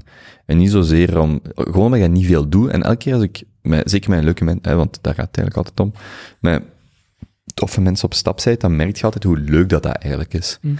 En dus altijd in het begin van het jaar zeg ik, ik wil minstens één keer per maand gaan. Waar ik dus amper op kom, eh, of aankom. Maar ik zit nu zo in de vibe van, oeh, het was dus extrema, en bijvoorbeeld dit weekend gaan we dan eh, op stap, eh, en dan zijn er zo nog een paar dingen geweest en gepland waarvan ik denk, ah, dat is echt leuk, en gewoon zo, dus ook deels eh, na corona, of eh, na dat anderhalf jaar weinig kunnen doen, zo, gewoon met veel mensen samen zijn, en feesten, en de muziek voelen. Ja, ik vind dat, Mm. Ja. Maar we zijn bijna terug, hè. ja, Corona time, ja. de nummers zijn back. Denk, denkt jij dat we in een terug lockdown, richting een lockdown gaan? We zitten over de tweede piek al, hè. Dus je hebt een Mm. piek gehad en dan nog eentje en we zitten nu hoger dan toen. Het zijn vooral ongevaccineerden, dus Maar wacht, maar van maar er cases, belanden ook hè. minder mensen in eh, het ziekenhuis of wat is dat? Maar denk je dat de cijfers of de, want ze meten dat toch aan ziek hospitalisaties en ICU-bedden, maar denk je dat die hoog genoeg zijn om terug richting lockdown te gaan? Daar ga ik me niet over uitspreken, maar er zijn gewoon heel veel cases terug. Het blijkt nu ook bij jongeren te zijn, blijkt nu ook overal een beetje Mm. te zitten. Dus de maskers zijn terug, de QR-codes zijn daar. Lockdown weet ik niet. Ze hebben nu nog altijd heel veel vertrouwen in het vaccin, maar dat gaat ook beginnen afwateren. Dus we zullen zien wat de reacties is Mm. op dat boostershot. Als iedereen gewoon braaf gaat de dag dat hij de Ja. uitnodiging krijgt, dan komt dat helemaal goed. Ik las vandaag pre-studie in de Lancet uit Zweden. De eh, effectiviteit daalt na 180 dagen naar 47 procent. En ik denk dat daar heel veel Belgen ondertussen aan zitten. Mhm. En na 211 dagen volledig weg. Geen effectiviteit meer van de vaccins. Ah, dat is pre-studie, was vandaag of gisteren gepubliceerd. En dan is inderdaad de vraag, hè, gaat iedereen boosten? Ik, ik begin hoe langer hoe meer, maar ik vind dat, dat is heel moeilijk, maar als je naar al die data kijkt, is dan zo, moeten we niet serieus over herd immunity serieus beginnen praten, van laat dat doorrazen? Wat heel moeilijk is, hè, want ja, waar, waar trek je die lijn? Gezondheidszorg faalt dan, hè. We, krijgen dat gewoon niet Mhm. verwerkt, hè. Weet je wat mijn moeder zei? Dat op de eh, intensieve zorgen in Genk, wat toch echt een van de top vijf grootste ziekenhuizen van het land is, of zelfs top drie, dat is een gigantisch ziekenhuis, een derde op intensieve zorgen van de medewerkers is, zit thuis. Burn-out, Burn-out. ziekte. Echt? Ja, dat Maar geloof ik. Kunt wel. je dat voorstellen? Dat van de, dus een derde zit gewoon thuis. Mhm. Dus los nog van hoeveel bedden zijn er en zo. En dan- je ziet dat bij huisartsen, je ziet dat op, eh, op al die diensten, die zijn echt gewoon, die mensen in de zorg, die zijn, die zijn volledig, die zijn leeg, hè? Dan. Maar als we dan toch zo'n methode gaan kiezen, doe dan gewoon verplichte vaccinatie en boostershots. Maar die, zou je dan niet voor immuniteit gaan? Nee, Maar dat is toch veel makkelijker? Maar, eh, maar wacht, iedereen wordt ziek. Immuniteit, eh, blijft immuniteit ook aanwezig? Wel, dat is, dat, is, dat is wat je nu aan het zien bent. Hè. Er is zo, gaat dan die studie in Israël, dus alles neemt in principe af. Maar wat je bij de natuurlijke immuniteit leek te zien, is dat er zo uh, het stukje B-cel en T, dat de natuurlijke immuniteit minder specifiek is als een vaccin, wat dan voor een specifieke uh, variant, allee, een specifieke variant, ik overdrijf, maar dat uw bescherming, gelijk bij alle immuniteit, breder is voor andere varianten. En dus hier heb je dan een probleem met Delta en Mu is geloof ik een nieuwe versie die opkomt, die, um, die uh, geadapteerd is op de vaccinimmuniteit. En dan is de vraag, ja, ja maar ik denk gewoon hoe langer meer, misschien moet je gewoon accepteren dat al uw min 40-jarigen die niet, allee, die of voor een booster willen, of natuurlijk die dat gewoon krijgen. Maar de vraag is, ja, wat doet dat op je ziekenhuissysteem? Mm. Ik weet dat niet. Maar als je zo dus en van de UK de data ziet, van, uh, van Israël, van andere, ik vraag me gewoon af, als je zo vanuit dat principe van 10 years of COVID, misschien moet je gewoon ergens binnen zeggen van, waarom krijgen we het niet gewoon? En we zien wel. Maar ja, maar effectief, je gezondheid, gezondheidssysteem crasht. U Ja, krijgt het gewoon niet verwerkt, hè? en nu ook niet, hè? Allee, ja. nu, nu, ja. nu, wordt de last eh, over de samenleving heen ge- uitgesmeerd. En we kunnen het wel. Ja. Hè? De overheid moet gewoon, ik zeg niet dat ze dat moeten Mm. doen, kan gewoon zeggen, iedereen ingeënt en zijn we dan volledig vanaf? Dat weet niemand, maar wel, eh, het Ja. was serieus naar beneden gegaan toen iedereen aan het inenten Maar zou jij liever Dus hebben dat een inenting verplicht wordt, of richting herd, dat, Van mij hadden ze die inenting een jaar geleden al mogen Ja. verplichten. Ja. Daar heb ik op zich niet... Er, voor, voor mij is er geen evil mono, monopoly guy at the Mm. top die dat iets evil wil doen met iedereen te vaccineren. Daar, ik Nee. geloof niet in dat heel veel. Nee, nee, nee, maar eh, wij ook niet. Maar stel je voor dat die inenting verplicht wordt, plus boostershot ieder half jaar. Sure. Dat zou je doen voor de komende tien jaar? Ja, zonder probleem. Maar ik denk dat sommige mensen denken dat er een, een keuzeformuliertje is met een vaccin, COVID of niks. Maar het is het vaccin of COVID. En doe de- Mhm. mij dan maar vaccin anytime ja, of ja, the day. inderdaad. En vanuit ja, ik zou daar dan zeggen, doe mij maar COVID. Maar Want- de, de side effects of de mogelijke lange termijn effecten, of alles is erger met COVID. Ik snap dat. Maar ik heb het gehad en ik weet niet wanneer. Ja, maar dat hangt af. Hangt heel Ja, ja. veel af van persoon. Maar ik spreek Het is ja, een loterij. daarom, Het is een loterij. Tuurlijk, Als je de want ik ken, er ook, lot ik ken er ook die, die er veel erger Ja. van hebben. Maar En voor de mij overheid kan niet beslissen op persoonlijk niveau. En Ja, als we ja. een oplossing moeten hebben, gaat het niet komen van persoonlijk niveau. Dat is duidelijk, denk ik. Als we iedereen laten kiezen, komen we er niet. Komen er gewoon nieuwe varianten en blijft het gaan. Ja, de- ik zeg het nu heel kort door de bocht. Hè. Ik wil ook geen Mhm. dictatuur die iedere dag Mhm. kan opleggen wat je moet nemen. Maar ja, dit, ik snap het, Prins. Ja, Maar zit jij dan niet, want dat was voor mij een frustratie de laatste weken wel. Je zit in Vlaanderen met 92% van de volwassenen zijn gevaccineerd. Tenminste, dat was het cijfer, misschien is het ondertussen al hoger. En ik geloof 80% van alle Vlamingen, maar 92%. super. En zo, dat, ja, maar we zitten nog steeds met die restricties. En, dan, en ergens zo heb je dan, ja, oké, het is een pandemie van de ongevaccineerden, maar vraag ik me af, ja, maar 92% is gevaccineerd. En nog steeds gaat, glijdt dat nu af naar eh, wat dan ook de nieuwe regels zullen zijn in de toekomst. Mhm. Zo, dat, eh, je, je zegt wel, hè, de, individueel, daar kunnen we het niet aan overlaten. Dan denk ik, ja, als je het dan eh, mandateert, 92%, en nog steeds hebben we geen vrijheid in die zin. Maar omdat in die 10 pro- ah, nu weet ik het ook, ik ga ook Hmm. over mijn patchen, hè, voor de duidelijkheid. Maar hoe dat ik het begrijp is omdat die ongevaccineerden blijven ziek worden. En je kunt nog altijd ziek worden. Als je gevaccineerd bent, gewoon iets Mhm. minder. Je kunt het nog altijd doorgeven. Je kunt nog altijd nieuwe varianten kweken. Je bent letterlijk gewoon een ziektebed voor nieuwe versies. Zeker de ongevaccineerden. Mhm. Dus oké, ze verleggen de, misschien de mijlpaal. Misschien is dat uw Ja, frustratie. op, op, wel, op mijn uitnodigingscertificaat of, of brief stond 70%. Mhm. En dan denk ik gewoon, los nog van wat mijn mening is, dan denk ik, ja, als je dan zegt, laat een overheid beslissen wat de, wat de beste koers is om te varen. Ja, vier maanden geleden was het 70% gevaccineerd. Eh, dan hebben we onze vrijheid, dat stond letterlijk op dat formulier, dan hebben we onze vrijheid terug en dan hebben we groepsimmuniteit. Nu zitten we aan 92. Mhm. En dat blijft zo, los van hè, of, of dat nu 95 is of 90, dat blijft precies zo. Alsnog dat groepje mensen, dan gaan we vrij zijn. En dat is denk ik, want ik had erover getweet, zo mijn grote frustratie, dat onder, zolang wij over vaccins blijven praten, als zijn zo precies het enige wat ons eruit haalt. We zijn niet aan het praten over verluchting. Er is die podcast geweest van met, ehm, Lex Friedman over zo'n eh, eh, Harvard-immunoloog over rapid testing. Ik lees daar niks van. Zelf testen thuis, je kunt dat voor een euro. Niemand spreekt daarover. En dan, dus over, onder, onder de noemer van er is 8% niet gevaccineerd, Mhm. praten wij niet over eh zelftest, wij praten niet over ventilatie, wij praten niet over sport, wij praten niet op, over sociologisch, eco, eco, socio-economisch leed, niet over psychologisch leed. En dat is allemaal zo precies... We praten niet over, over, over stimulus in de, in de maatschappij. Al die dingen, zo wordt precies niet meer over gepraat. En, dat, en wat mij dan frustreerde is, ja, maar het was toch 70%. En ik begrijp dat dat dingen, dat zijn moving targets, hè. Maar wedden dat als we straks aan 95% zitten, 97%, dat COVID ook nog niet weg is. En dat is wel Ja. denk ik wel mijn frustratie. Ik volg het ergens wel, maar ik ben helemaal niet akkoord. Je hebt nieuwe informatie en je neemt nieuwe beslissingen. Dat vind ik niet meer als normaal. Dat ze dat niet Mhm. konden voorspellen, dat het bij 70% niet ging zijn. Fair enough. En nu is het 90 Oké. en nu is het 95. Misschien is het 100. Maar er, er zit er geen evil intentie of zo van wij zijn de overheid en we willen nu hebben liggen door Maar binnen dat, te maar dat houden. denk ik ook niet. Maar bijvoorbeeld, ze hebben gekund, en voor mij, ik vind, ik heb altijd gezegd, ook in het verleden, ik snap niet dat wij niet meer testen. Hè? Want dan, in die podcast ging het daar ook over, wij doen per se PCR-testen. Ik heb er gistermiddag eentje laten doen, dat gaat 48 uur, 42 uur was de vorige, want ik heb er vorige week ook eentje moeten laten doen. En die, die maakte ook het verschil. Hij zegt, met een sneltest weet je gewoon zeer correct of iemand het trans, de transmissie kan doen. Hè? Want uw virale lading gaat van één deeltje naar 1 miljard of zo. En hij zegt, zeker in de VS is het nog erger, daar mag dat niet op de markt gebracht worden, want dat is een medical device. En, hè, dus als de FDA staat daar gewoon niet toe. Maar de... eh, wat was mijn punt? Maar Nee, nee, inderdaad. En dus mijn grote frustratie nu is, inderdaad, je kunt niet weten dat het een moving target is en dat dingen veranderen. Mhm. Wat je wel had kunnen voorspellen, dat weet toch iedereen, oktober, november, eh, we gaan terug naar de winter, mensen gaan binnenzitten, de kans dat het verhoogt. Ondertussen, je- er is geen massale testing, het testdorp in Wilrijk is gesloten. Ik snap niet, à la eh, Denemarken, waarom kan niet...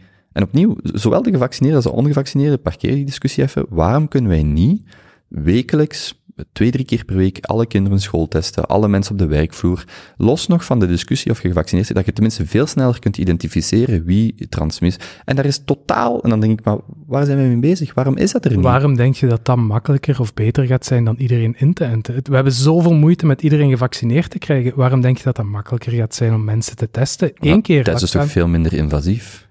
Ja, het is ook maar een prikje, hè. het is maar hoe je het, be- eh, hoe je het bekijkt. Hè. Ik denk dat daar juist het punt zit voor niet-gevaccineerden. Het is ook maar een prikje, ja, in uw ogen, maar voor hun wordt er een substantie binnengespoten waar, de lange termijn effecten Maar nog- bij COVID krijg je ook Mhm. die substantie Ja, binnen. Hè. Het is niet vaccin of niks, het is vaccin Ja, ja. of COVID. Dat, dat is Maar zelfs- discussie maar- af. Hè. Maar zelfs als je die discussie nog sidestept, ook gevaccineerden, want dat is wat Steven van Gucht zei, de term COVID-safe-ticket creëert de, het idee dat omdat je gevaccineerd bent, of hersteld bent, dat je safe bent. En als ik vraag in mijn omgeving anekdotes, zowel gevaccineerd, de meeste, uit 92% is gevaccineerd, wanneer heb jij je de laatste keer laten testen, sneltest, PCR, de meeste mensen kijken naar mij zo van, testen, waarom zou ik dat moeten doen? En dus je ziet ondertussen, zowel bij de gevaccineerden, inderdaad, tien keer, eh, de ongevaccineerden tien keer hoger als bij de gevaccineerden, maar mensen worden nog ziek, maar niemand test zich. En dan denk ik, allee, je zou morgen, en daar ging die podcast over, je zou morgen bijna, met Chris Mina denk ik dat hem heet, eh, een, een, een, een pandemie kunnen stoppen door veel concreter en veel sneller en in veel hogere mate te snel testen. En wij doen dat gewoon Dat niet. denk ik niet. Want ook over uw vorig punt, over dat al die andere dingen die je kunt doen, hè, om het te Mhm. voorkomen dat daar niet over gecommuniceerd wordt, dat is niet waar. Hè. staat op de overheidspagina in tien duidelijke punten, Mhm. ventileren, thuisblijven, maskers dragen. Maar dat is weer dat persoonlijke mensen kunnen kiezen. Maar het wordt En- niet gedaan, hè? Ah, het wordt niet Ja, gedaan. hè. mensen kiezen voor niet. Dus wat is dan de oplossing? Vaccineren. En Ja. dat is een logistiek en groepsprobleem. En wat jij voorstelt is een ander soort logistiek en groepsprobleem. Akkoord. Misschien minder invasief. Maar dat is omdat je vanuit het frame gaat, het is een vreemde vloeistof. En anders is het niks. En dat is het niet. Het is of een vreemde vloeistof, of een vreemde bacterie van de Ja. ziekte. Mhm, mhm. Er is geen niks. Niemand heeft de optie op niks. Je gaat ziek worden. Misschien maar heb je veel niks. mensen, me- veel mensen vertrouwen op hun eigen eh, immuniteit of op hun eigen eh, weerbaarheid en de gezondheid van hun lichaam. En ze krijgen niet echt de keuze om daarop te vertrouwen. Ja, veel. 8 op de 100 in Vlaanderen. Allee, wij doen ook zo precies of dat, dat zo... In Nederland is dat groot, maar bij ons is dat 8 op de 100. Mhm. Maar dat vind ik ook zo... Allee, dus, hè, want eh, zo gevaccineerd, ongevaccineerd, dat is zo de discussie waar het altijd... Mijn frustratie is eerder zo, er zijn denk ik in een pandemie, gelijk met veel dingen, is dat een, een, een waaier aan dingen die je moet doen. En ik denk dat mijn frustratie, of de tweet die ik stuurde, is onder het masker van niet iedereen is gevaccineerd, kan iemand gelijk Wouter Beke altijd, precies in mijn hoofd, de schuld van zich afsteken, schuiven. Ah, we hadden geen mondmaskers in het begin, mondmaskers werkten niet, we hebben geen sneltest, we hebben geen ventilatie. Dus iemand, een leerkracht zei tegen mij, die stuurde naar mij van, is grappig, er is een klimaattop, wij zitten met de verwarming maximaal en de ramen open, want we hebben geen ventilatie geïnstalleerd in de scholen. En dat is zo mijn frustratie, los nog van of vaccins werken of niet, of ze veilig zijn of niet, covid of niet. Zo, de, de, de, het venster wordt vernauwd tot gevaccineerd, niet gevaccineerd en al die andere dingen. Hoe komt dat je twintig maanden in een, in, een, in een crisis zit, in een pandemie, en de ICU-capaciteit is niet uitgebreid. Er is bijna niemand extra opgeleid in België om daar, die, die capaciteit is niet uitgebreid. En ik zeg opnieuw, ik zeg niet dat dat allemaal had moeten zijn, maar ik stoor me aan zo het, het, het, het of begrijp je ik mij stoor aan zo, het is Ja, een waaier van dingen en we focussen precies enkel op vaccins, terwijl ik denk, en opnieuw, dat is een 92% is gevaccineerd, dus dat is een wereldsucces. Tegelijkertijd zijn er die andere dingen waar wij precies allemaal gewoon niet mee bezig zijn. Of dat is zo... Ja, maar dat we allee, capabele mensen missen, akkoord. Hm. Maar je kunt dan niet zeggen, we gaan dan die sneltesten doen of we gaan dat beginnen doen, want daar gaat het ook niet lukken. Dus je moet, je moet Of je dat niet opgezet. Of je krijgt het niet ik opgezet. krijg het niet opgezet, ja. En opnieuw, al die problemen die je aanhaalt, zijn opnieuw individuele mensen die kiezen om dingen wel of niet te doen. En daar moet die, Hmm. daar zo, ah, ik weet niet of ik dat zou doen, hè. dat is een heel vaste stelling om te zeggen, iedereen gevaccineerd morgen Mhm. en je moet. Dat is een makkelijke oplossing. Natuurlijk heeft dat politiek ook wel wat invloeden en op persoonlijke privacy schennis en zo. Maar het is gewoon voor mij heel duidelijk dat al die maatregelen, als je ze overlaat aan de mensen, Mhm. en je focust niet op één ding, maar je probeert te focussen op tien dingen, dan doen ze die niet. Dus ze focussen op één ding, vaccineren, ga daarvoor. De overheid kan dat net geregeld krijgen, net georganiseerd krijgen, net mensen genoeg aangezet krijgen. En misschien kunnen we dan beginnen praten over, draag nu echt eens je masker als je binnen zit, zet echt eens een venster open. Want Mhm. Mensen doen het niet. Ja, maar dat, maar dat volg ik wel. Dat je van, misschien als je dan één ultiem wapen moet kiezen, dat je dan, ehm, dat dan veel mensen bij vaccin uitkomen als ultiem wapen. Dat, En de dat, dat retoriek wel. van whataboutism, van wat met dit en wat met Mm. dit en wat met die andere, helpt niet in die discussie, want je maakt het complexer, je maakt het moeilijker. Gewoon één richting, Mhm. vaccineren. Ik, ja, Ja, nee, maar, maar dat argument, dat begrijp ik wel. Als je dan de, de, de lijn moet uitzetten of de bakens uitzetten voor een samenleving, ja, dan is het inderdaad makkelijk. Allee, dan is, het, dan is dat de Mhm. makkelijkste, denk ik, of de eerste strategie, Guys, denk ik. Oh, onze, onze cosmic, ja, ja, ja. cosmic eh, eh, love. we, we of, eh, dateren onze podcast weer. Stel je voor, deze week, is deze week op de top in Glasgow, wordt beslist, na, na de corona safe pass, we ook een CO2 safe pass gaan invoeren. En daar vanaf nu uw geolocatie ehm, gekoppeld wordt aan een x aantal vliegreizen en eh, autoreizen eh, die je maximaal mocht, mocht, eh, mocht uitvoeren of mocht ja, ehm, ondernemen. Dus stel je voor, je krijgt 2000 kilometers op jaar. En daarmee moet je het doen. Want de volgende crisis staat aan de deur, global warming. Strak idee. Als ze dat anonymiseren, hè? als ze je niet trekken over de reizen, maar gewoon kunnen zeggen, eh, het gaat niet over de locatie, het gaat over hoeveel je hebt afgelegd. Hè? Ik zie hier één Ja, wat strak cool. idee. Ik zie Koop al gewoon... ges- Er komt stoom uit zijn neus. Nee, ik denk, ik denk, we hebben dat al in een, in een bepaalde versie, namelijk, ehm, en dat is een ding, Individueel. ik probeer, eh, wel, ik probeer de, de, de brug eerst te slaan. Als ik morgen maaltijdchecks krijg, eco-checks, dat is een vorm van loon, waar ik niet voor gekozen heb, ik zou liever netto, willen, waar dat een overheid al beslist hoe ik dat moet uitgeven. Namelijk, mijn dienstenchecks moet ik aan een huishulp, ik kan die niet zo betalen. Er is amper een bedrijf in België dat zo mensen naar uw huis stuurt om te poetsen, dat is allemaal dienstenchecks. Hetzelfde met eco-checks.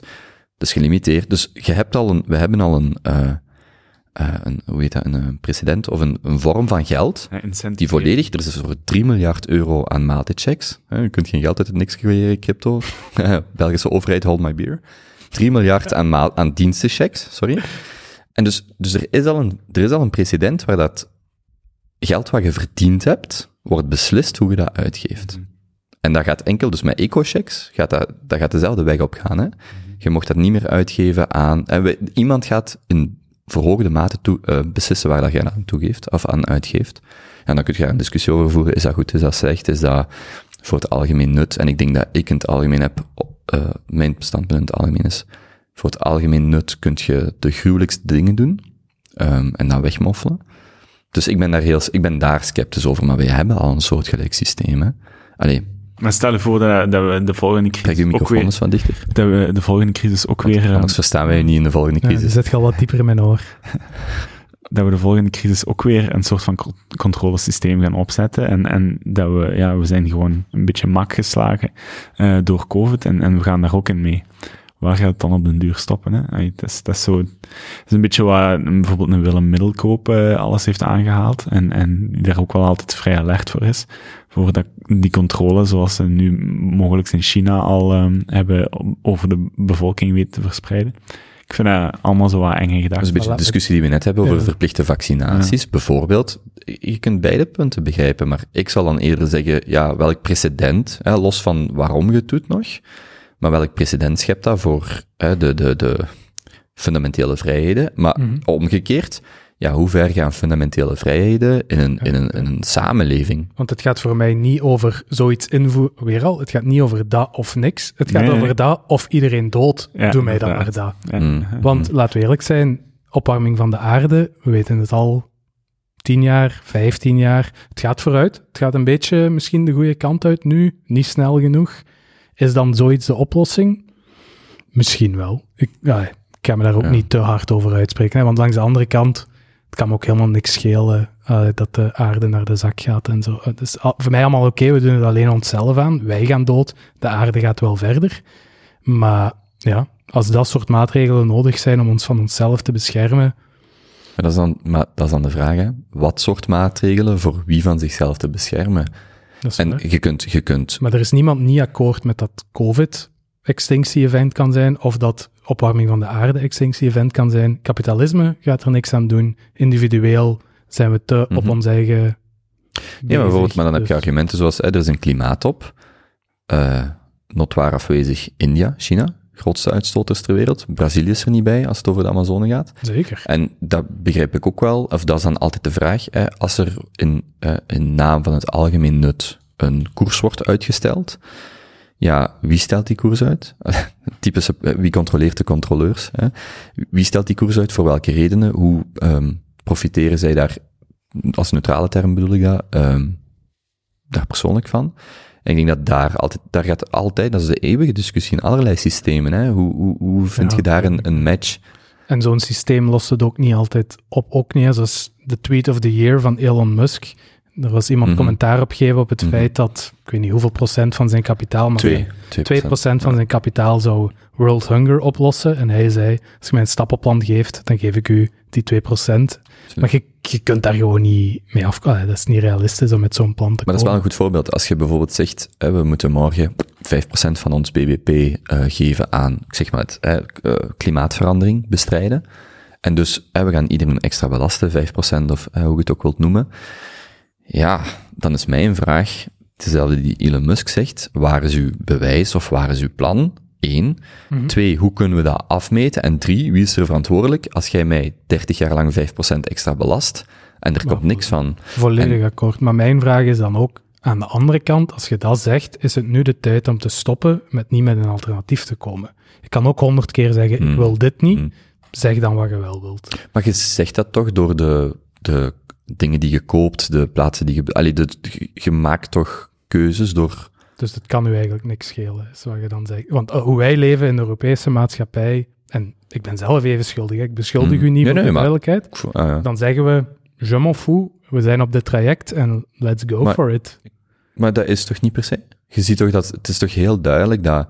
Ik, ik denk dat een groot deel van die discussie is... Of dat is iets wat ik niet goed snap van mensen die heel pro-klimaat, als in het, het radicale van... eh, what, do we do, what do we want? We don't know it. When do we want it? Ja. Right now? Ehm, zo, zo van, het moet nu anders. Dat is zo, oké. Ja. Maar, allee, ehm, als je gewoon ziet dat bijvoorbeeld hernieuwbare energie, de, de, de goedkoopste energie is hernieuwbaar. We hebben gewoon nog niet het juiste systeem om dat te, te, te transporteren, zeker in de Europese context. Maar het is niet, ik wil gewoon de goedkoopste energie, bij wijze van spreken. Of de gemiddelde consument wil de goedkoopste energie. En op termijn is dat hernieuwbaar. Daar is gewoon, daar is geen discussie over. Ja, dan denk Er ik, is toch wel discussie over, ze zouden toch olie blijven pompen en gas blijven aanleveren als daar geen tariffs op kwamen of geen incentives voor hernieuwbare Mhm. energie. maar dat, maar dat gebeurt toch ook nu?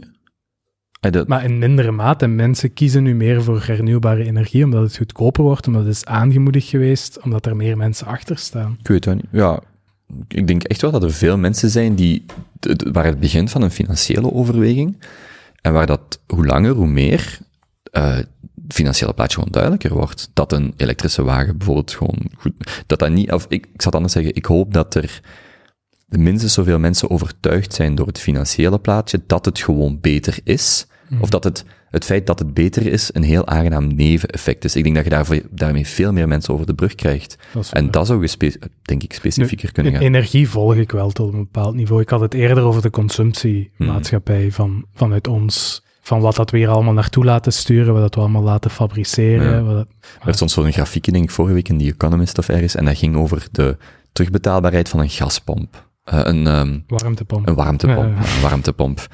En, dus, en dan zag je zo, dat was opgedeeld in 1 tot 2 jaar, 3 tot 5 jaar, 5 tot 7 jaar. En van Europa. En dan zag je zo, hè, Duitsland, Frankrijk gekleurd, best positief. Maar er was ook eh, de kleur zwart. En dat was het, het vakje never. En dus België, in België is een warmtepomp nooit Nooit. financieel. En dat had dan te maken, want er stond zo'n S Sinds bij. vorig jaar, hè? Ja, er stond een S bij van, dat heeft vooral te maken met de heffingen en de accijnzen die Ja. een overheid...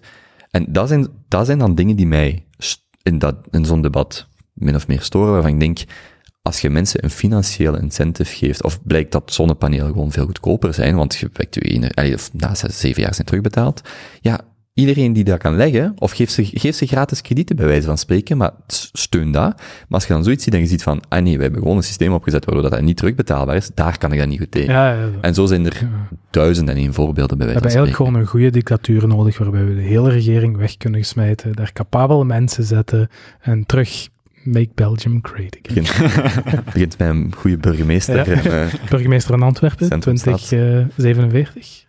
ja.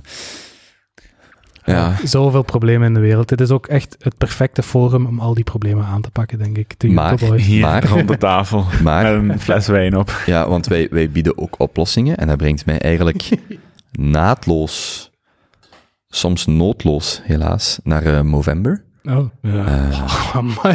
Ah, Ik ben impressed door de segue. dat is mooi, hè? Dat is heel mooi. Wij kregen een berichtje van een van onze luisteraars, Ja. luisteraressen. En ehm, die, eh, ik, ik, ik zou het willen afspelen, maar ik heb het niet eh, gecheckt op voorhand of het ook wel eh, eh, safe for work is. Maar ehm, die sprak over het feit dat, dit keer, dat wij vorig jaar blijkbaar gezegd hebben op eind november of ergens in december van hadden we maar meegedaan of eh, het was november. Ehm, en haar suggestie was dat wij dat gewoon deze maand meedoen. En voor wat staat dat juist, Movember?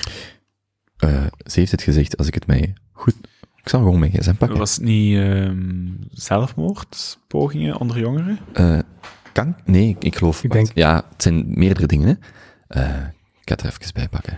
Zo goed voorbereid zijn we. Maar Dus dat zou betekenen dat de gemiddelde YouTubeboy hier op het einde van de maand met een eh, Luigi Ja. Mario moustache Een, een dikke, wollige borstel. Een dikke wollige borstel. Hey, Kobe. Goedemorgen. Zeg, ehm, ik bedacht mij ineens iets voor eh, de Junter Boys. Het is namelijk vandaag 1 november. ehm, maar dat is ook de start van eh, de campagne Movember.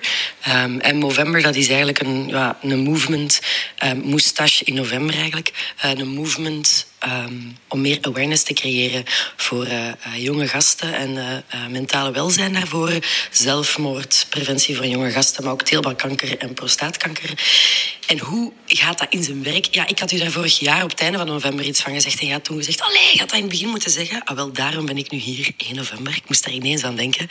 Ehm, hoe creëert je awareness? Dus eigenlijk is het idee ehm, dat je je snor laat staan, heel november, dat je die laat groeien. Je mocht die wel zo wat bijtrimmen, maar het is wel de bedoeling dat je die laat groeien.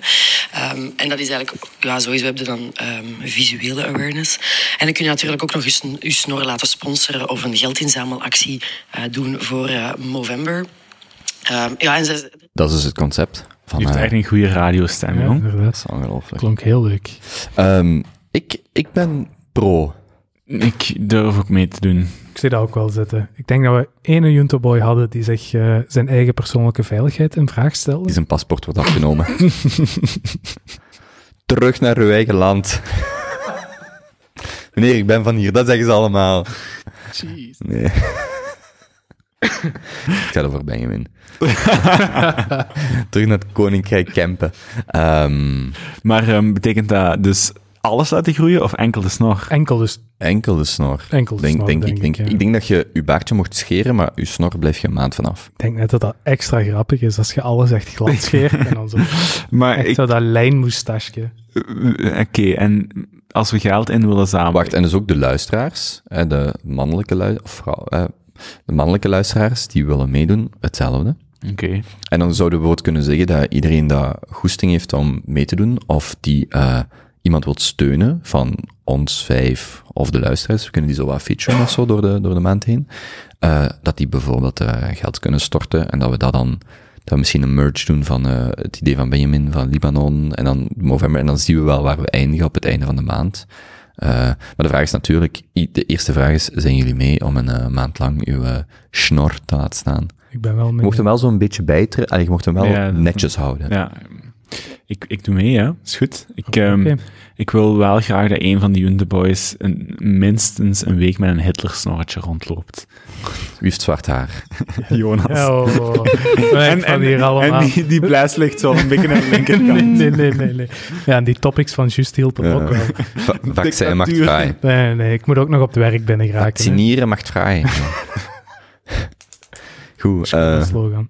Nee, maar let's do it, hè. Als we die andere twee nog meekrijgen, lijkt me dat wel... maar Ik ben heel blij dat ik die gisteren nog eens goed getrimd Ja, heb. nee, ik ben, ja, ben al half onderweg. zit al onderweg. Nee, heel cool. Oké, en ik zal... ehm, Maar hoe zamelen we geld in? ik kan een bankrekeningnummer maken. Ja, dat weten we. Maar hoe zamelen we daar geld op in? Stort daar 10 euro op? Of hoe bedoelt je? Ja, dus, dus Maar gaan we echt iets doen, of een actie, of een aanzet? Of een, is is, niet- er een November Ja, Junto moment? Dat is niet gelijk de warmste week of zo, waar dat je zo ergens dat kunt gaan afgeven Maar of zo. Op het einde van de maand en eh, iedereen met een dikke snor mag... Ja, nee, ik kan ze moeilijk hier uitnodigen, maar we kunnen iets gaan doen als er geen corona is. Ja, ik wil er wel... eh, ja, daar kunnen we wel nog over nadenken, wat we doen met... Ja. We gaan ons engageren. Oké, komt het op neer. Dus als je meedoet, stuur ons een berichtje. Idealiter met een foto van je startpunt. En dan zo eind van de maand nog eens. En dan zullen we wel zien. eh Ja. eh, ja, lijkt me heel cool. Ja, oké. Ja. Let's do it. Was er niet nog een vraag op Instagram? Ik wou juist rap even spieken, maar ik dacht dat wij nog ergens op hadden gezegd. Jawel, luister jawel, st- jawel, luister jawel, zeker jawel. naar de Junto. er was eh, iemand die zijn Olympische Ja, ja, ja. gouden bonus gewoon eh, regelrechtstreeks in de crypto wou duwen. Dat was een Ja. heel grappig berichtje van iemand. Wat Eh. doe ik met mijn bonus van mijn Olympisch goud? Ja, ik denk dat we hier... De merch ligt hier zelfs al uitgespreid. Ik denk dat het een, een heel evidente vraag is om eh, ja, die bitcoin... Ah ja, nee, die, die van Plan B. Had je daar geen voorbereiding voor gemaakt, Kobe?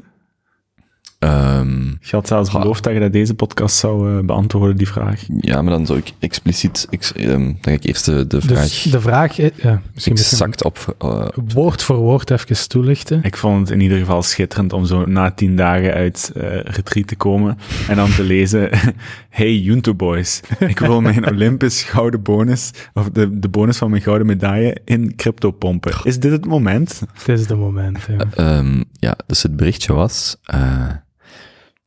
ik heb een vraag voor jullie. Stel, volledig hypothetisch. Ik wil mijn volledige bonus van Olympisch goud in crypto investeren.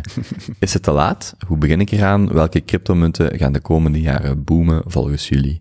Kort door de bocht, hoe word ik een miljonair? Of, ik weet niet of ik dat erbij mag zeggen. Eh, piep. Ehm, ja, misschien eens in de podcast over hebben, eh, want ik vind het altijd vaag en ik voel me altijd een beetje geïntimideerd door Jonas. Nee, geïntimideerd wanneer de cryptoboys over het hele crypto-verhaal beginnen. Want ik denk altijd, fuck, ik had er eerder aan moeten beginnen. Ik ga er wel, voor we daarin duiken, Ja. een kleine asterisk aan toevoegen, is dat er op, eh, op Reddit en op andere forums zijn er heel leuke flowcharts van wat te doen met geld en wit- windfalls. Nu, ik denk niet dat de Hmm. luisteraar hier daar per se Oh nee, ik onder wou, daar, valt. ik wou daar beginnen. Ah, oké. Daar, Super. daar wou ik Ik beginnen. dacht dat we rechtstreeks naar de crypto gingen. Oh nee, Maar nee. Er is een hele theorie over wat je eigenlijk kunt doen met je geld als je het via erfenis krijgt, via winst, via waar dan ook, misschien een lucratief bedrijf. Eh, en Kobe kan mij aanvullen of, of eh, bijspringen. Maar het, bestaat uit een, pa- een paar fases of buckets waarin dat je geld wilt verdelen.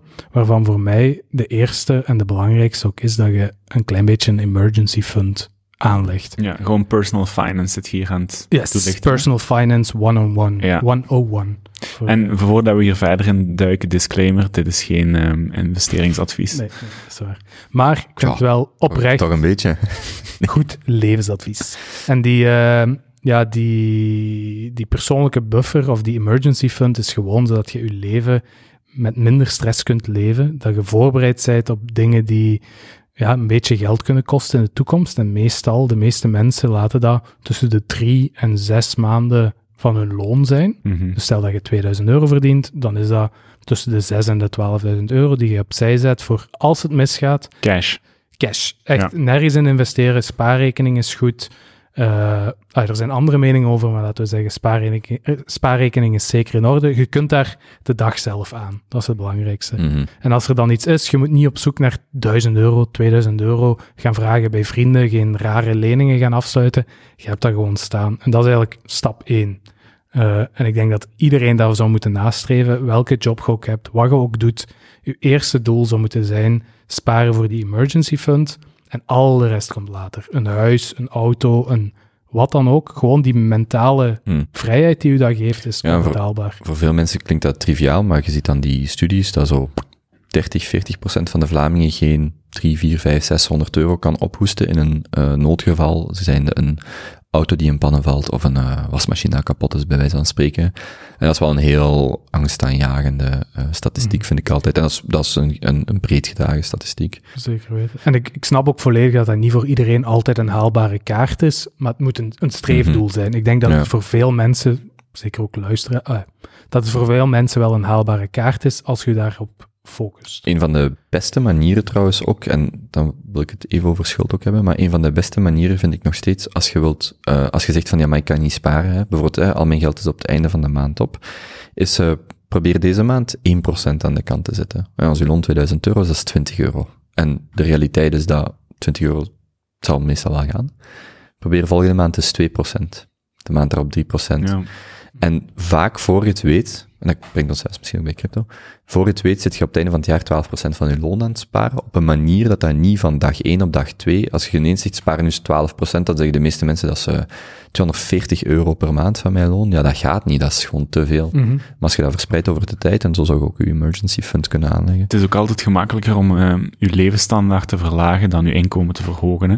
Dus ehm, Maar dat is ook de single die spreekt, hè. Als jij morgen Daar drie, ben ja, ik ja, niet mee akkoord. hè. als jij morgen drie kinderen hebt, die, dat is, allee, dat is gaat, inderdaad want de emergency fund gaat ook vaak over de onver, onvoorziene. Hè? En ons leven, eh, in onze situatie denk ik, is vaak voorspelbaar tot op een, eh, tot op een saai, saaie methode. Maar als je soms ziet welke extra kosten er kunnen komen door een, gewoon een, eh, door een gezin te hebben dat groter is, dat, dat zich overstijgt buiten jezelf.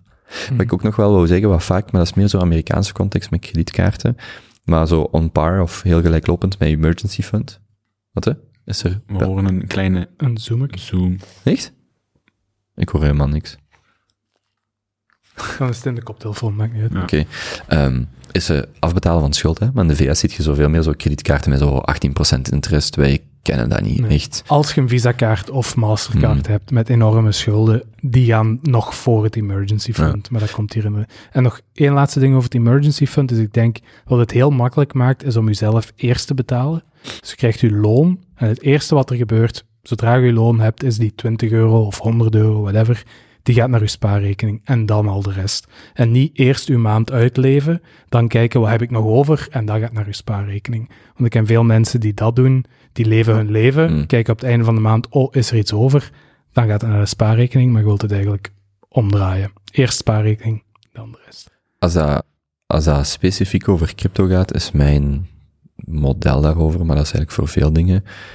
Als je denkt dat iets eh, asymmetrisch is in de zin van dit zou heel veel waard kunnen zijn in de toekomst, Misschien moet je asymmetrisch heel even uitleggen. Ah, dat, dat als je, wel, stel dat jij eh, een huis gaat 3% in waarde omhoog en je kunt lenen aan een kost van 2%, dan is daar een mooie voorspelbaarheid dat uw rendement 1% is, heel simpel gezegd. Stel nu voor dat jij kunt lenen of, eh, eh, maar het gaat niet, er komt geen 3% bij, maar het gaat maal 10 op een jaar of zo, 10 jaar een stuk. Op basis van voorgaande statistieken. Ja, of, of, of omdat, misschien, of, maar misschien heb jij kennis, hè. Misschien zegt een maat tegen u, ik start een bedrijf waar nog nooit iemand, allee, Mhm. of ik verkoop een kunstwerk en, en, allee, dus die asymmetrie, dat kan er overal zijn, maar dat gaat er eigenlijk om dat er misschien de voorspelbaarheid gewoon zelfs al er niet is. Je weet gewoon niet, hè, maar, dus dat, Gewoon de kans op zeer hoge, grote stijgtes. op grote, op grote stijgingen, maar ook totale verliezen. Dat is, hè, mijn huis, dat gaat 3% stijgen bijvoorbeeld in een jaar, maar dat gaat niet ineens zakken naar nul. Dat zou kunnen zakken met 30%, maar dat gaat niet naar nul. Een, wa- een huis gaat nooit naar 0 euro. En ik denk dat als je, in, als je dus eh, zegt van ik ben geïnteresseerd in crypto, of in wijnkelders, domeinen, want eh, dat is eigenlijk heel de categorie aan speculatieve, super speculatieve dingen, eh evengoed eh oldtimers, eh wat, dat is een vrij grote groep. Dan is zo een beetje vergelijkbaar met wat, net, wat net het punt was van dat emergency fund. Wat is het restaurantbezoekje misschien dat je op een maand kunt skippen, hè, of de 1% opnieuw. En misschien moet je dat gewoon eh beleggen, zodat als je dat verliest, dan ja, oké goed, dat was die 20 euro. Ehm, en als je gelijk hebt en dan gaat het maal 10, ja, dan gaat dat misschien groeien van eh 1% naar meerdere procenten. Ik denk dat dat voor veel mensen eh, financieel interessant is, dat je instapt. En ook gewoon emotioneel. Als je echt denkt, dat is het probleem bij cryptomarkt in vergelijking met startups of zo. Als je een start-up belegt, weet je gewoon, ja, mijn geld gaat 6, 7, 8, 9 jaar illiquide zijn. En ik, ik, het maakt zelfs niet uit wat dat waard is, want het is toch illiquide. Ik kan me daar toch mijn geld niet uithalen. En ik denk dat zo, bij eender wat dat soort ding, bekijk dat nu gewoon op 10 jaar. Als je denkt dat dat interessant is, doe dan gewoon wat Balaji zegt, doe 50-50 Bitcoin Ethereum. Doe dat voor 10 jaar.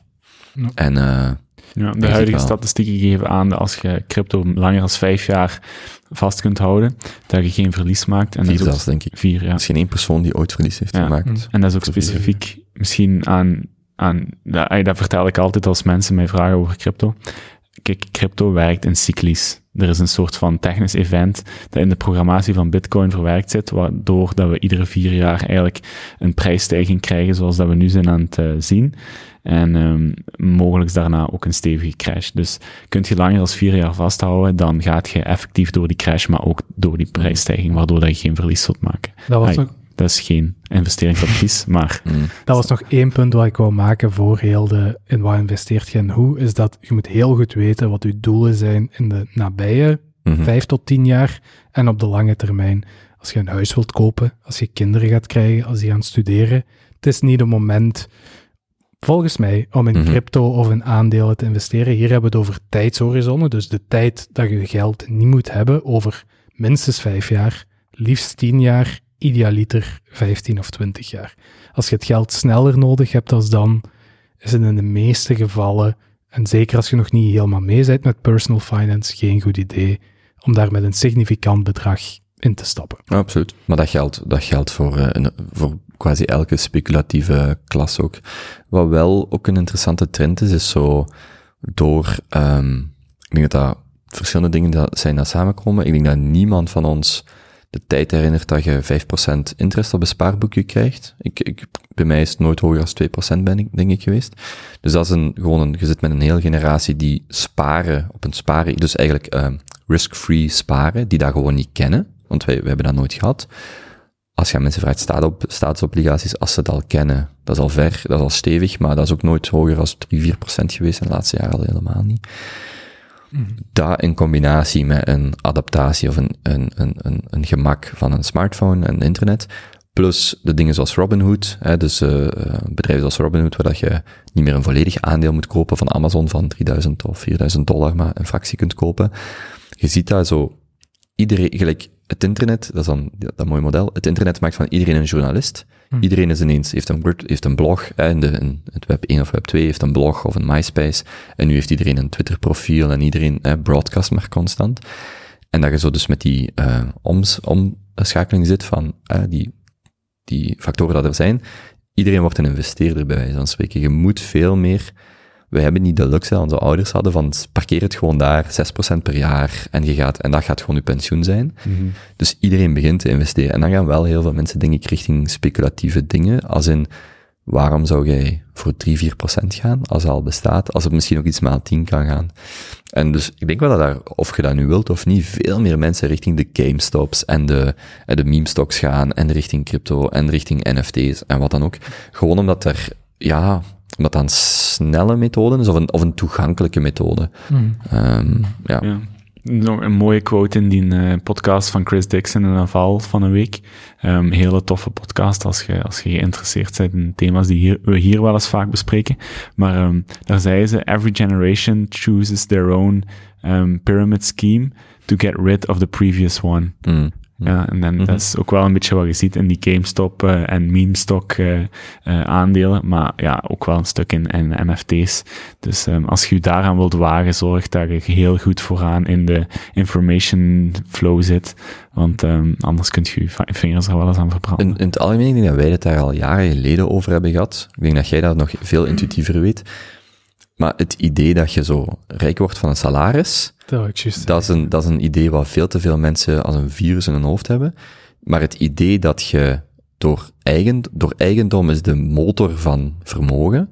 En de meeste mensen snappen intuïtief dat een huis uh, eigendom motor van vermogen is. Maar die maken niet de switch naar aandelen in publieke markten of in het bedrijf waar ze werken, uh, enzovoort en zo verder. En ik denk dat daar, dat dat dan wel heel positief is, dat je dat dat positief kan zijn dat omdat zo'n brede groep toegang heeft tot allerlei dingen, gaat je gigantische excessen zien, gelijk GameStop, gelijk NFT's die van 1 dollar naar 1 miljoen dollar gaan, maar er komt een veel bredere groep daarmee in contact, die wel inherent snappen, want anders kun je geen aandelen kopen, dat eigendom wel een vorm is van, een voorname vorm van vermogenscreatie. Als we het hebben over rijk worden, wil ik daar wel nog aan toevoegen dat ik ook niet geloof dat je rijk kunt worden met investeringen of aandelen of crypto. De kansen zijn tegen u. Het kan allemaal wel. Er zijn Mhm. twee manieren. En nu heb ik het echt, dus je hebt FIRE en FatFire. Als je het echt hebt over FatFire van ik wil rijk worden. Le- Leg even uit, want Dus FIRE wil zeggen dat je, ik weet niet wat de exacte afkorting is eigenlijk. Financial independence, retirement, of retire early. Ja, dus dat je een goed spaarpotje hebt tegen meestal je dertigste, veertigste en dat je daar aan een bepaalde percentage geld afhaalt. Ik denk dat ze Mhm. meestal zeggen 4%. Ja, 3, 4 procent. Zodat je eigenlijk op pensioen kunt gaan op je dertigste, veertigste, gegeven dat je je levenskwaliteit relatief, la- niet kwaliteit, ehm, uitgavenpatroon relatief laag houdt. en zeker in die eerste 30 jaar heel frugal, Frugal en, leeft, en, ja. en ja, sober leeft. misschien gewoon een cijfer op te plakken. Stel dat jij 40.000 euro per jaar nodig hebt om van te leven, dan zegt die literatuur gewoon, oké, vanaf het moment dat jij 1 miljoen euro hebt in aandelen of een mengeling van een portfolio, dan leeft jij van 4%, zijnde 40.000 euro per jaar, daar heb je je loon, klets daar nog 2% inflatie bij, en je zit aan een gemiddeld, en zwart, dat is dan het idee daarachter. En daar- 2% inflatie. Het, het broertje van, of de tegenhanger van, is Fatfire. En dat wil dan echt zeggen van je hebt genoeg geld of buffer om een serieus bedrag te hebben ieder jaar om uit te geven. Ik denk niet dat daar echt een limiet op staat voor mensen. Dat gaat dan eerder over, ik heb echt veel geld om te leven en op Hmm. pensioen te gaan. Dus met andere woorden, rijk worden. En ik denk ook al probeert je en doet je heel goede trades, dan nog gaat je dat niet bereiken als dat je doel is. Er zijn maar twee manieren. Eén daarvan is een erfenis krijgen en met veel kunnen beginnen, of relatief veel beginnen en dat uitgroeien naar heel veel. Mhm. En het tweede is uw eigen bedrijf starten of aandelen te hebben heel vroeg in een bedrijf en dan te verkopen en op die manier. Ik wil gerust met iedereen vechten die denkt dat er een andere manier is. Mhm. Uh, maar met, a- met laten we eerlijk zijn, een 10.000 extreem high-paying job hebben. Software engineers, maar opnieuw, dat is dan zo 0,01% van de Ja, en mensen. zelfs En dat- zelfs die. Neem nog dat je 500k per jaar verdient, houdt 250k over per jaar, dat duurt u 10 jaar Hmm. om 2,5 miljoen bij. Dat is veel, hè? Ik wil ook niet de ding, maar dat is niet, niet Fatfire territorie Ja. voor mij. Maar om maar te zeggen, met 10.000 euro op de aandelenmarkt, je gaat niet plotseling miljonair worden. Ook al doet je supergoeie trades. Met crypto Hum- Humpy Dumpy heeft nog geen crypto gekocht. heeft het gekunnen, maar als dat je doel is en je verwachtingen, dan Nee. ja, is ik dat ook- misschien niet de Maar dat is, dat is toch heel die categorie van speculatieve dingen. Dat veronderstelt wel dat er een solide basis is. En die basis kan uw woning zijn, of uw spaargeld, of een, of een aandelenportfolio. Maar dat is wel een goed punt wat gemaakt, Jonas. 10.000 euro nu in de cryptomarkt. Je moet al echt de juiste coin eruit weten te vissen om nog zieke bedragen daar nog zieke bedragen van te zien Maar dat is maken. met alles wel, met kunst, met alle. Want dat is ook niet, want inderdaad, als je begint en je zegt, eh, ehm, ja, dat is inderdaad geen voorspelbaar pad waar dat je met enige mate van, hoge mate van succes, eh geef 100 mensen 10.000 euro en ja, dat gaat, dat gaan er weinig, je wilt dat zoveel mogelijk mensen zoveel mogelijk vrijheid of vermogen opbouwen. En dan zijn er veel, en dan hebben we het over emergency fund en, en schulden en een brede eh, portfolio. Maar ik denk wel, als mensen zeggen, ja, ik, ik volg die space of ik vind dat wel interessant, ja, zo, wat Ja, biology ja. om u weg te Dus jij hebt schuiven. dat eens gezegd. Maar zeg het nog even concreet, want er zijn mensen naar op zoek. Dus 50% Bitcoin, 50% Ethereum wordt door de held van de space Ja. wel aangeraden als Ik de denk- trade van dit ik denk, decennia. ja, ik denk echt wel dat biology, Srinivasan, zo wat de, ja, een van de meest interessante mensen is om te volgen. En die zei ook bij Tim Ferriss, ik denk aflevering 504, 505, ook een zeer goede aflevering, van ehm, gewoon 10 jaar, vergeet het voor 10 jaar, 50-50 Bitcoin, Ethereum en eh thank me later. Mhm. En dat met misschien 1% van uw vermogen, 2%, 3%. Voilà, ik denk dat jij dat eens een naam hebt gegeven, of is dat... de eh, kopenfactor. Nee, nee, nee. Zo de, de uitevenwichtbalans, wat is het nu weer? De heb, eh, barbell. barbel, ja. Ja. Van wie? Dat is Van net van. Nassim Taleb, ja. Die zegt, jij kunt het beter uitleggen als ik. Klein Ehm, stukje vermogen, veel upside. ja, ehm Nassim Taleb, en dat was, een, dat was dat ik goed daar gedaan had, want ik dacht daar net ook aan. ehm, wanneer je naar, en dat is heel even technisch, naar Sharp ratios kijkt, dan is dat een mate waarin dat eh, je risico maakt ten opzichte van rendement in een portfolio. En ehm waar je dus naar kijkt, stel je hebt een portfolio 100% in je huis, of in, uw, of in goud, of in aandelen, waar je dan eigenlijk gaat ver- door elkaar delen, is wat is uw gemiddeld rendement, pak 5% per jaar, gedeeld door wat is het percentage dat dat in een jaar kan zakken. Technische drawdown. Voor een aandelenmarkt, goud, huis, pak dat dat 30% kan zijn, ik zeg maar iets. En die ratio berekent je. Stel dat jij zegt, ja, ik wil wel rendement, maar ik wil niet uh, dat mijn waarde ineens met 40, 30 of 40% zakt. Ik kan dat niet aan. Stel dat je voor 100.000 euro in die dingen zit, dan makkelijk te tellen. Wat een barbell zou zijn, of een barbell strategie is, ik steek 90.000 euro gewoon in cash. Ik kan nooit meer verliezen dan die 10.000 euro. Die 90 staat gewoon in cash en vergeet even inflatie en dergelijke. En die 10% ga ik steken in iets hypervolatiels. Mm-hmm. Kunst, domeinnamen, wijnkelders, oldtimers, bitcoin. Er zijn veel zeer speculatieve bedrijven van de Mata start. En dan is het idee, en als je dan specifiek naar bitcoin kijkt, is elke portfolio die 99% cash was en 1% bitcoin. Dus dat wil zeggen dat je letterlijk 99.000 euro gegarandeerd houdt. Dus de Sharp ratio is daar extreem gunstig. Die outperformen de brede, de brede indexen van 6, 7, 8 procent. En veel mensen bijvoorbeeld, en als het voorbeeld aan Nassim Taleb geeft, um, die, die maken die risicoanalyse niet, die kijken enkel naar het rendement, maar die kijken niet naar de mogelijke drawdown. En dus veel mensen die zitten volledig belegd in een huis of in een aandelenportfolio, zeker in België vooral vastgoed, wat, die zien het rendement, maar die zien niet wat dat ineens twee jaar voor je pensioen met 40% zakt. Dan heb jij een zwaar probleem.